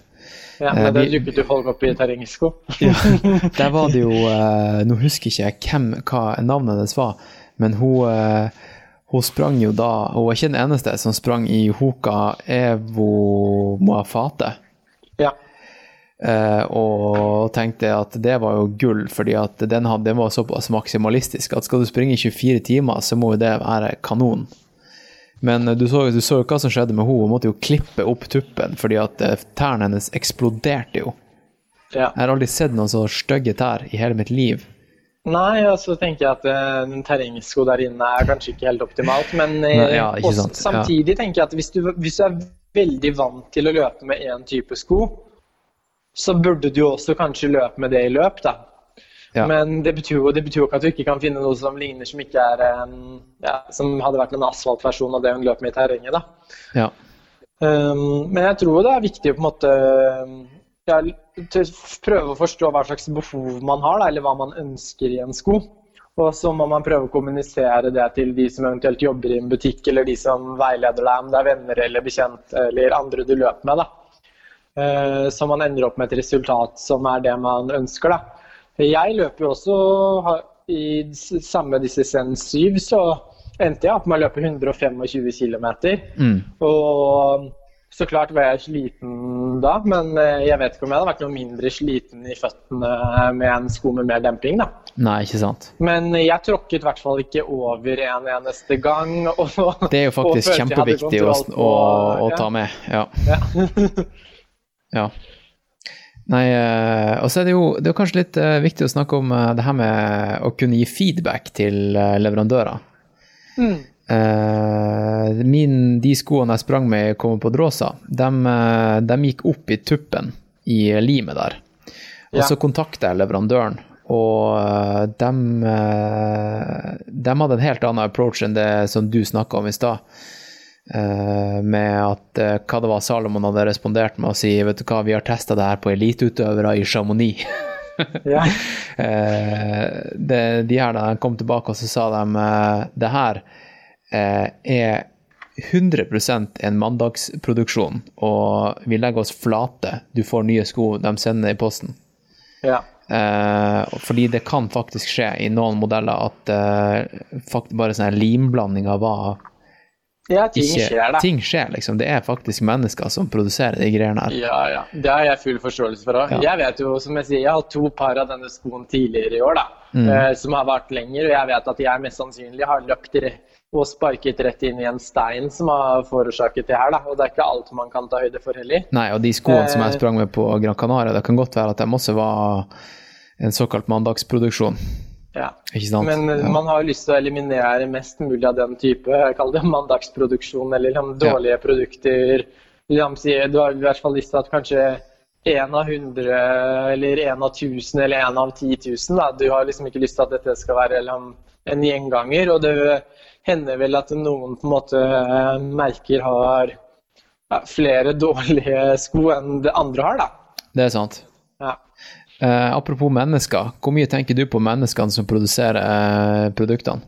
Jeg, jeg tenker en del på det, da, men så vet jeg liksom, kanskje det er litt sånn der, det, Vi har vi har hatt litt sånn der, både med Sky Blazers, som er kaller det løpegruppa og gjengen vår, og andre litt sånn derre li- kan være en Oslo-gjeng og litt sånn eh, Kall det Ring 3 eller hipsterfenomen, eller hva man har lyst til å kalle det noen ganger. da, Ja. For å være litt sånn selvironisk. Ja, ja. Men jeg er også litt sånn Og man har på en måte man har, Flere har full jobb, og det er en hobby man bruker mye tid på. Man er ikke redd for å bruke penger på det. da. Men jeg prøver å liksom kjøpe utstyr som jeg vet er produsert på best mulig måte, eh, generelt i livet. da. Eh, Men jeg har møtt på en del problemer når det kommer til løpeklær. Da, fordi at det, det havner i ofte, ofte i et sånn prissjikte der det er veldig mye press på å liksom levere T-skjorte som skal koste 599. ikke sant? Alle leverer T-skjorte til 599. Da kan det ikke være merker som leverer T-skjorte til 899 eller 1299. Nei, ikke sant. Da blir du ja. overkjørt, da får du ikke solgt volumene dine. Så da alle produserer T-skjorte som ender opp å koste 599, da. Og da, da begynner du ikke med å på en måte Da sitter du ikke i et møte og sier hva er det beste mat- materialet til å lage en T-skjorte til å løpe ultraløp. Ikke sant? Ok, nei, vi fant det materialet her fra den og den leverandøren i Frankrike eller Japan eller Italia. ikke sant? Ja. Ok, la oss lage en T-skjorte, og så plutselig ender T-skjorten opp med å koste 1600, da. Mm. Da begynner du å si ok, den T-skjorta skal koste 599. Hvordan kan vi få til det her? Og da ender du ofte opp med at det kanskje er menneskene som Da blir det nuppa. Ja, Da må du ta noen snarveier, da. Ja.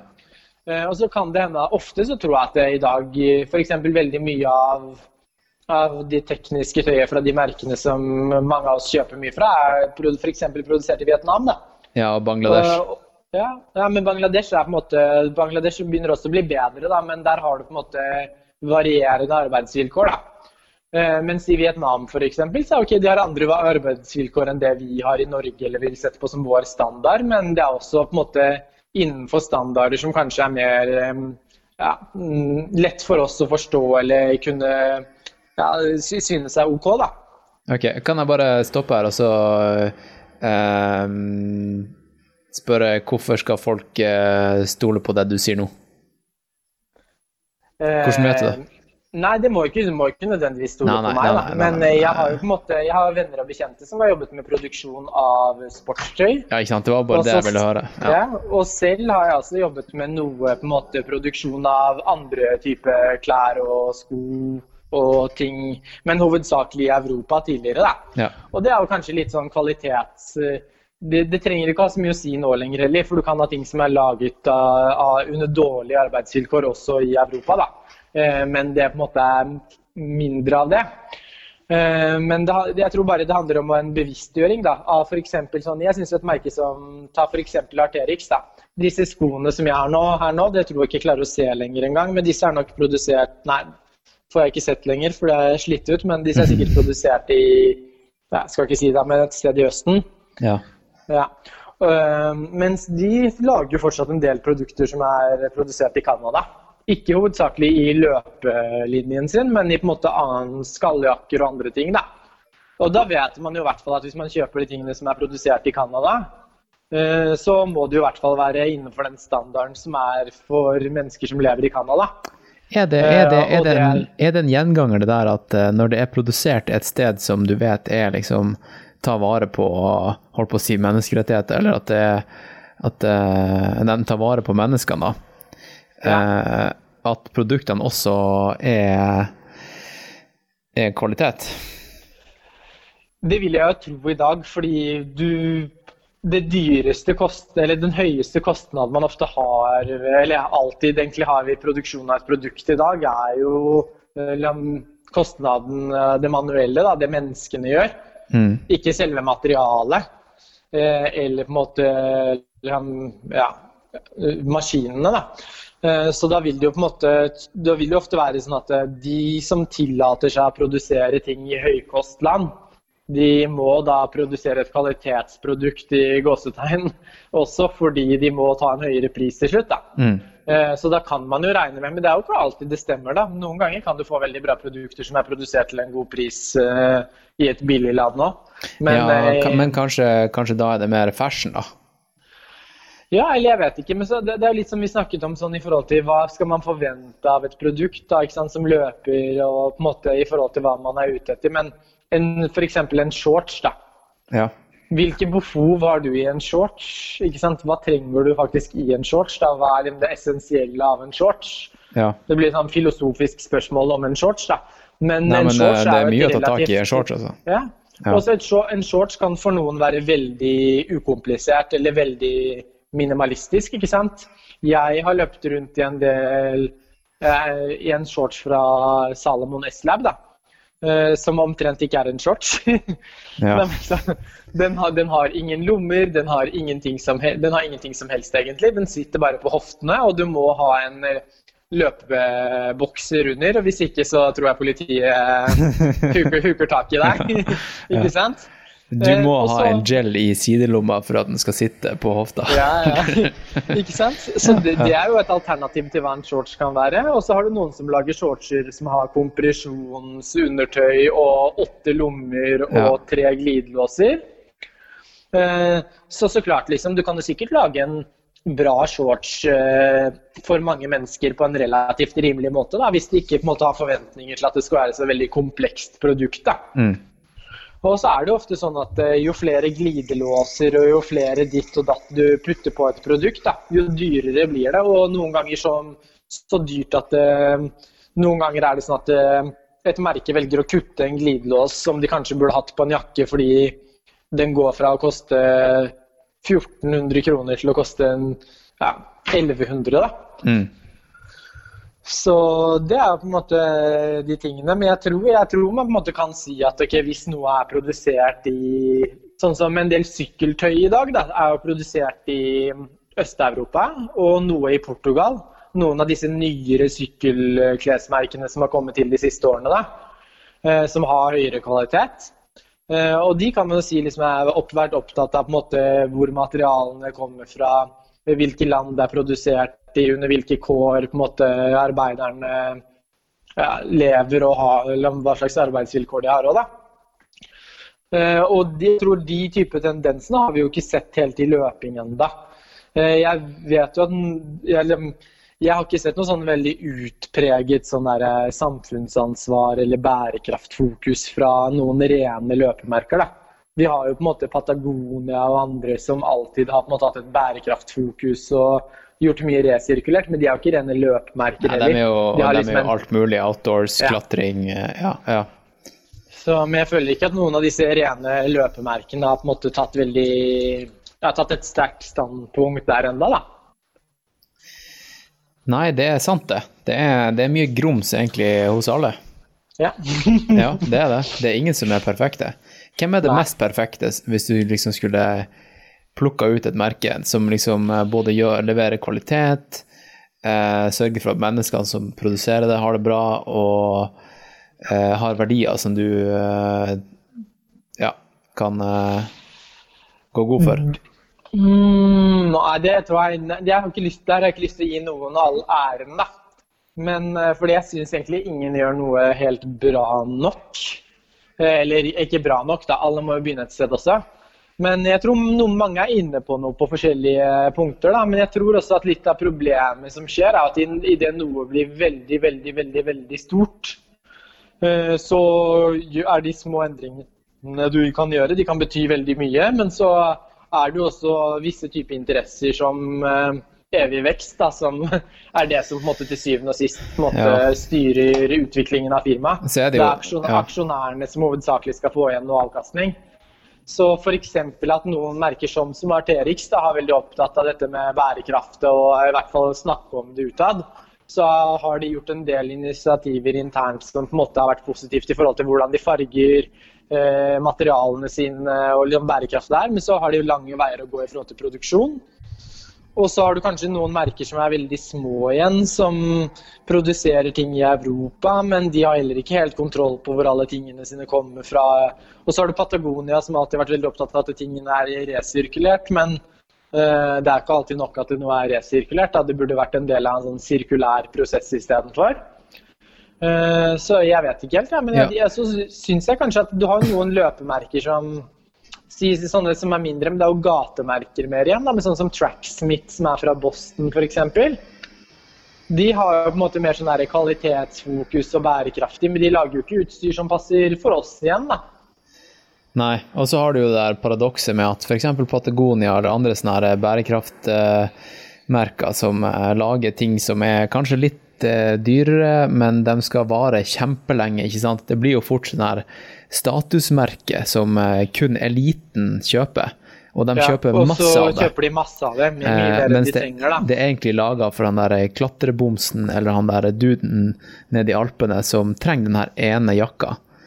Eh, men så er det liksom de her, de her rikingene som kun kjøper masse av de produktene for statusen sin skyld. Klatring har jo faktisk begynt å få et par merker som gjør noe veldig bra. Da. De har et svensk merke, Klatt, Klattermusen f.eks. Ja, klett, klettermusen. Klattermusen, ja, Ja. hvis det skal være svensk her i dag. De Ja. lager jo ting som er veldig De lager jo ting som hovedsakelig er ment for å vare lenge. Da. Det er på en måte hovedinnfallsvinkelen, som Ja. jeg syns er helt riktig. Eh, og så er det ofte produsert på materialer som enten er på en godkjent om å, i forhold til å være lave på utslipp, være resirkulerte, være i hvert fall et bedre alternativ enn de andre alternativene innenfor kategorien sin. Ja. Eh, Så de måte gjør veldig effort i forhold til at ting skal hovedsakelig vare veldig lenge. Det er lagd for å vare lenge, testet for å vare lenge. Og når vi skal lage den type produkter som vi nå skal lage, så innenfor den kategorien så skal vi på en måte være best practice. da. Og så er det dessverre sånn at hvis du skal lage en helt vanntett jakke i dag fortsatt, så må du kanskje bruke noen eh, Kall det ting som er petroleumsbasert. da. Eh, Du må ikke, men hvis den virkelig skal være vanntett, så må du kanskje være det. Og da har du på en måte noen utfordringer i forhold til det, men så kan du også velge det beste alternativet. da. Og den type approach eh, føler ikke jeg at vi har på en måte et løpemerke som kommer med ennå. Jeg eller mangler å se liksom et av løpemerkene prøve liksom å kommunisere noen sånne ting, eller at du kan gå inn på nettsiden deres og se liksom at her har vi valgt det beste alternativet for det og det og det. Du ser jo liksom en eller annen tulling som hopper rundt på en stein og skriker 'time to play' eller 'time to fly' eller eh, eh, jeg vet ikke. Og du, sånn, jeg har, jeg har tatt bilde av alle sånne teite slagord som jeg har kommet over her nå.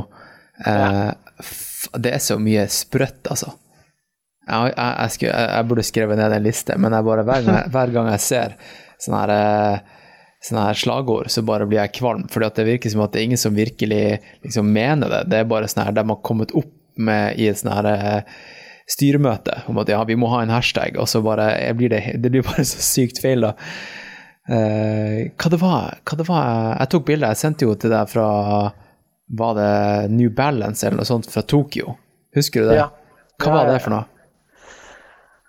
Nei, nå husker jeg ikke engang, men uh, ja. Var det, jeg, var det Time to Run eller noe sånt her? Ja, det var, jeg tror det var noe der, da. Ja. Men uh, de går jo liksom i de samme Det går i de samme tingene, da. ja. Men derfor, det er derfor jeg tror det må på en måte komme fra ja, Det må på en måte mest sannsynlig komme fra noen som virkelig mener det når de først begynner å gjøre det. da, Ikke bare liksom et eh, tiltak man gjør fordi man ser at man skal treffe en målgruppe som plutselig synes bærekraft eh, er sexy. da. ja. Hvis du skulle starta et eh, merke, hva ville du fokusert på? Eller sånn, hvis du skulle laga ett produkt? Fordi at jeg føler at det er så mange som, som liksom lager kolleksjoner hvert år. De, liksom, de skal liksom ja, komme opp med noe hvert år, da. Men hva om man bare lagde ett produkt og bare raffinerte det og lagde det liksom, gjorde det bedre og bedre og bedre? Uh, ville ikke det vært en bedre approach? Og bare ja, ok, jeg tror kanskje jo, vi du må jo selge mer. Du må selge mer og mer og mer, da. Ja, men la oss, Nei, men la oss si at du ikke hadde det presset om å selge så sjukt mye, da. Hva, hva hvis du skulle lage et par sko eller en shorts, eller hva ville du fokusert på? Nei, det er vanskelig. da. Man trenger, liksom, man trenger jo alt. Men jeg vet ikke, jeg syns shorts er veldig liksom, fascinerende. Eller, det, fordi det bruker man alltid. da. Mm. Det er sånn der, ok, Jeg har vært veldig interessant å lage den, eller, riktig vanntette jakker og bukser. da. Men det er jo de tingene man håper å sjelden bruke. Man kjøper de, og så håper man å sjelden bruke de, og det er kanskje noen av de dyreste tingene man kjøper. Mm. Men man har liksom ikke lyst til å bruke de så ofte, for man vil ikke være i det, ja, i det været. da. Nei. Men eh, egentlig så er jeg altså veldig fascinert eh, Det er etter jeg begynte å løpe, jeg blir veldig fascinert av sokker. da. Det er kanskje den tingen som jeg sliter mest. Ja. Så jeg vet ikke om det er så veldig mye å hente alltid, men Ja, det, det er noen men- ting som irriterer meg med sokker. Jeg faktisk jeg har et sokkemerke som jeg bruker en del, som jeg syns lager veldig bra sokker. da, og Jeg løper hovedsakelig i ullsokker hele året. fordi hvis jeg blir våt på føttene i fjellet, og sånn, så føler jeg det gir meg mye av at jeg er tørr. da, Eller ikke blir kald.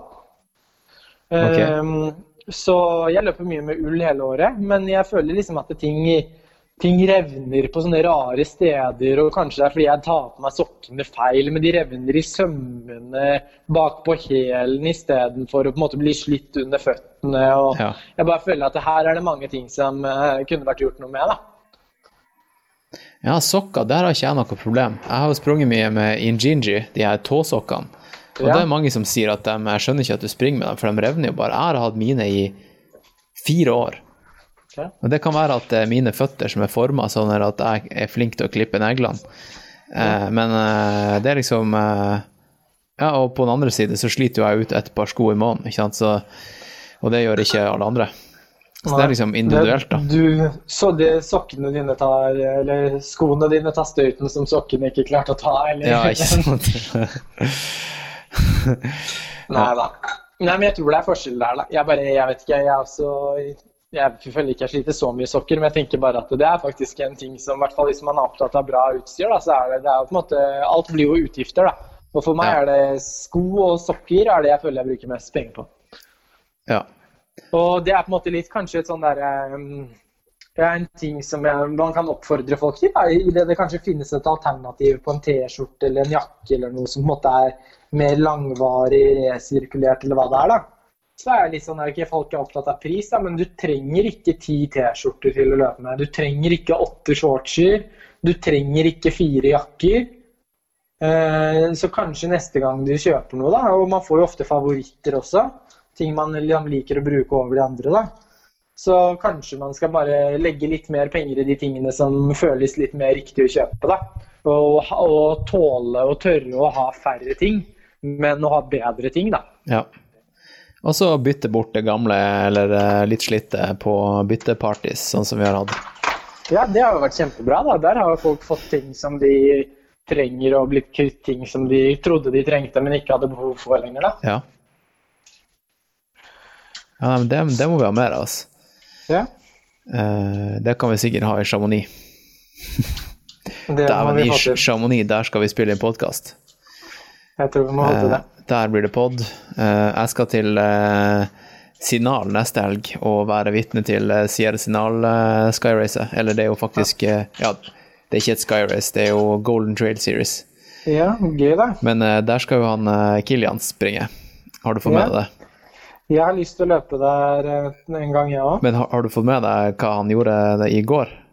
Nei, Som, nei, sist, som siste, siste tune- tune-up-ting før Sierra.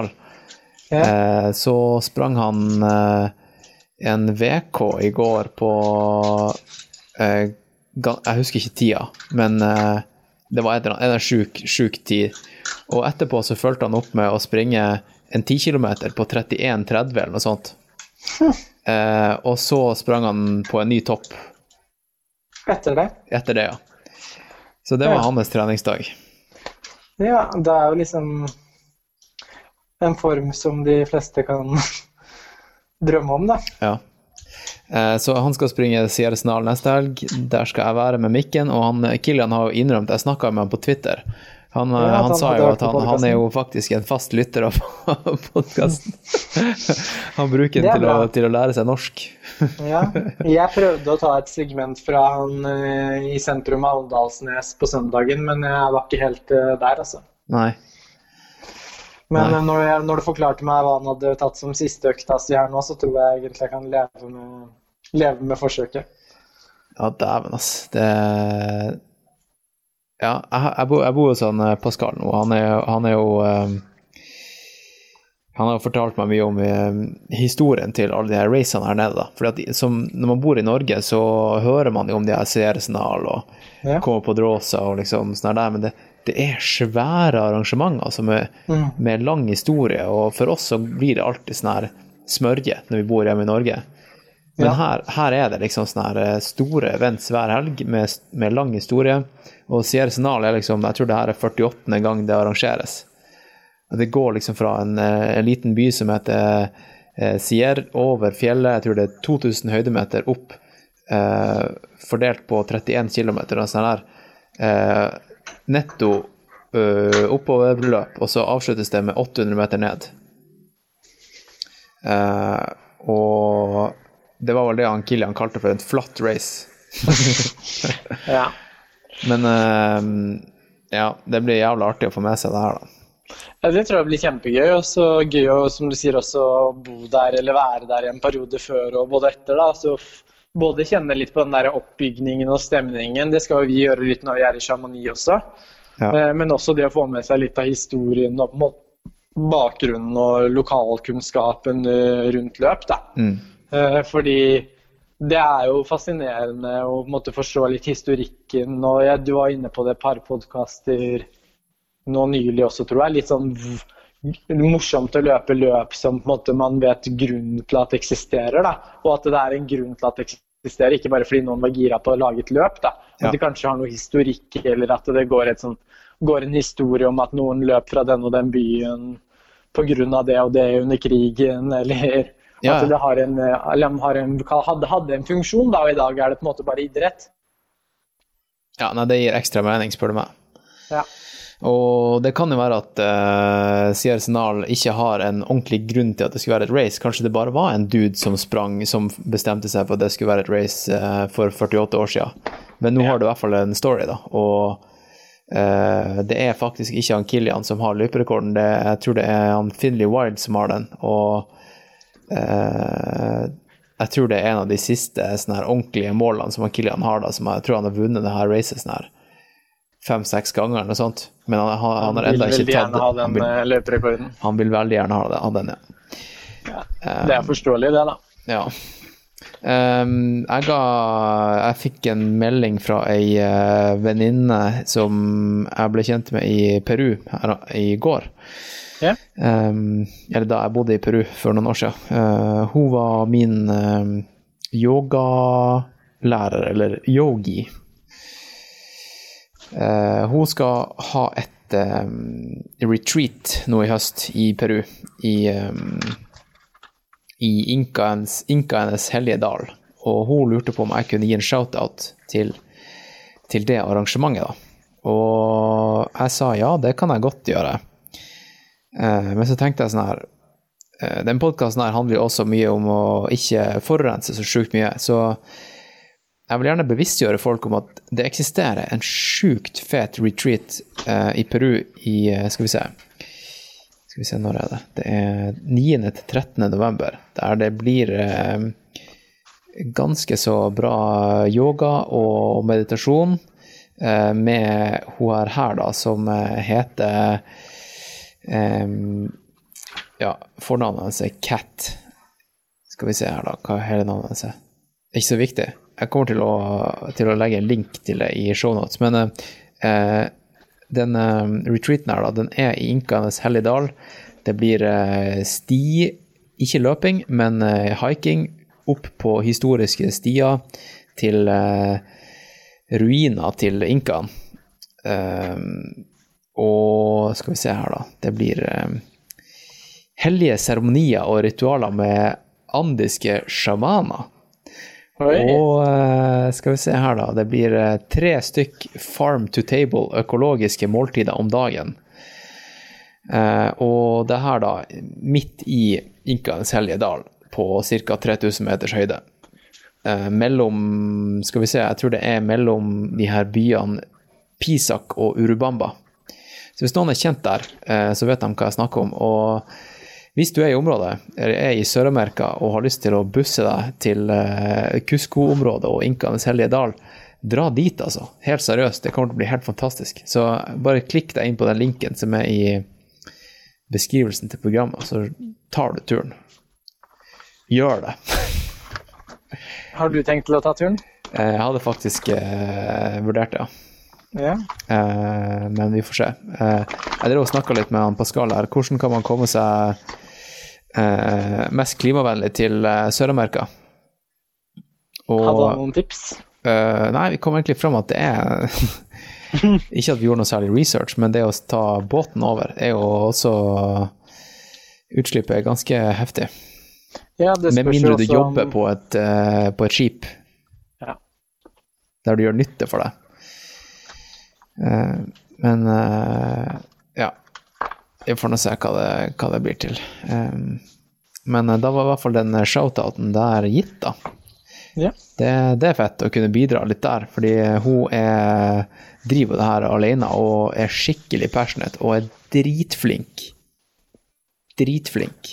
Jeg har ikke vært borti noen som holder et yoga en yogasession på den måten som hun gjør, så det Kjør på, Du får jo organisere et eh, retreat med henne i Norge, da. Det er sånn du kan fylle opp med. Da. Ja, det det, er- er... jo bedre å fly én person hit enn å fly 20 nordmenn dit. Ja, jeg tror bare det er plass til eh, 15 stykk. Ja. Men eh, ja, det er godt poeng det der. Det er godt poeng det der. Eh, og så kan jeg også flagge det at eh, det blir en heidundrende podkast fra det her racet som jeg skal gjøre. Ultratour eh, Monterosa, som blir mitt første sånn her eh, stage race. Og, Tenker du å gjøre noe underveis, eller? Jo, vet du hva, jeg vurderer å gjøre det. Eh, Ja. Fordi jeg får jo frakta alt, alt utstyret mitt fra by til by. Og hvorfor ikke gjøre sånne eh, race debriefs hver eneste dag? Jeg tenker å gjøre det. Jeg tror det hadde vært interessant å få med seg, og fin måte å kunne følge med, da. Ja, jeg tenker å gjøre det. Eh, og så er faktisk det her eh, Jeg fikk faktisk eh, Jeg meldte meg på, og de eh, ble såpass gira på at jeg skulle være med, at eh, jeg fikk faktisk eh, subsidiert kontingenten. Ja, gøy, da. mot at jeg lager en podkast om det. Ja. Fordi de har hørt om The Blazing Podcast. Oi, Har du om, har du hørt om Blazing Podcast, Patrick? Ja, jeg har jo hørt på hun, nå husker jeg ikke hva hun heter, men hun derre Helen. PR-sjefen Helen. Ja. Hun har jeg fått med meg, hun har jeg hørt på allerede. Jeg har ikke hatt så veldig god tilgang på verken eh, strøm eller internett eh, de Nei. siste tre ukene. Men eh, hun flørta jo ganske greit med deg, følte jeg. da. Hun var jo en, burde, eh, du burde jo vært litt mer på der, tror jeg. Ja, eh, hun var nok ganske gira, tror jeg. Men eh, Ja. også spanderte hun jo middag på meg et, etter podkasten. Ja, hun ville jo gå og danse salsa og sånn, Ja, som jeg forsto det. Ja, Ja, hun var jo 58 år gammel, så litt for gammel for meg, men eh, ja. Det, den podkasten der, det er jo Jeg kan si det at eh, det er jo et sånn sideprosjekt som jeg har, som ble, ble skapt i forbindelse med den turen som jeg er på nå, som um, gjør at jeg kommer til å Altså Nå som jeg ikke er i Norge, da, som jeg er i utlandet, så kommer de fleste intervjuer som jeg gjør med folk som jeg møter på min vei her, da. Det kommer til å være på engelsk, eh, og da tenker jeg da å release det her som en 100% engelsk podkast. Og den er faktisk nå tilgjengelig i iTunes, Spotify, Stitcher og overalt. The Blazing Podcast. Eh, og det er to episoder ute, og Nei, du, Patrick, nå snakker du om Sina i Jeg snakker om Sina. Jeg, jeg Ja, snakker ok. om henne. Ja, okay. Men jeg tenkte hvis Ja, begge to Nå jeg fikk litt sånn spoiler på hun andre der òg. Hun Helen, ja. Eh, Sina, ja. Det er flere som har kommentert at det var en flørtende eh, Ja, ja. Jeg syns hun var litt flørtende, men eh, det kan godt hende det bare er ja, Hun er litt væremåten flørtende væremåte, ja. Ja, ja. Eh, men det er jo veldig hyggelig. Hun, Jeg tror fortsatt hun, hun hadde blitt med å danse salsa. Altså. ja. Hun spanderte jo smoothie på meg, så det, det er kanskje gjenganger det der at jeg har ei kvinne i podkasten som spanderer mat på meg. Ja, det er kanskje det. Eh, episode nummer tre den er, kommer til uka, tenker jeg. Og den er med en ki som jeg møtte på campingplassen i Adora, Som eh, er styrketrener for et uh, sveitsisk ishockeylag. Hockeylag, ja, hva er det? Og episode fire det blir med Pascal, som jeg bor hos nå. Som er eh, arguably eh, topp tre skyrunner i verden. Eh, faktisk. Han eh, vant jo hele serien i fjor, og Ja. eh, var bare ett minutt eller to bak han Kilian på å komme på Dråsa i fjor. Så, men nå er han skada og hadde god tid til å sette seg ned med meg. Og jeg har vært hos han nå ei uke, og vi skal lage en til episode i morgen der vi går i dybden på trening og hva som skal til for å bli den beste skyrunner i verden. Vi skal gå vi er sånn virkelig i dybden, så det, det blir fett. Og den forrige, pod- forrige podkasten var mer sånn løst og fast om um, ting som er um, ja, ja, ting som falt oss inn da vi trykker på record, som også var en veldig bra podkast. Men det er masse, masse, masse snacks i vente, og der blir det, som sagt, eh, en spesiell episode for eh, for uh, Ultratour Monterosa, som også blir i samarbeid med myracekit.com. Ah, kult. Det blir dritfett. Ja, du- det blir bra. Har du hørt om myracekit.com? Ja, det har jeg. Er det, men er det britisk? Uh, det er britisk, ja. Ja. De spesialiserer de- seg jo på kits til uh, sånne her Stage typiske race? ja, stage racer. Jeg tror kanskje første gangen jeg kom over det, var når jeg gjorde noe research på sånn type utstyr som folk bruker på Marathon des Sables og den type ting. da. Ja.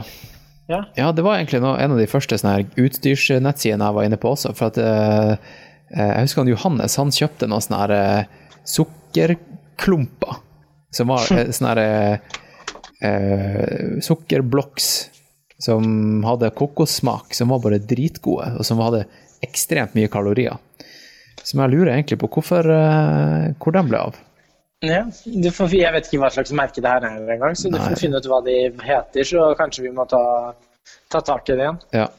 Men de var vel i hvert fall veldig tidlig ute, denne butikken. De har vel holdt på med det her lenge.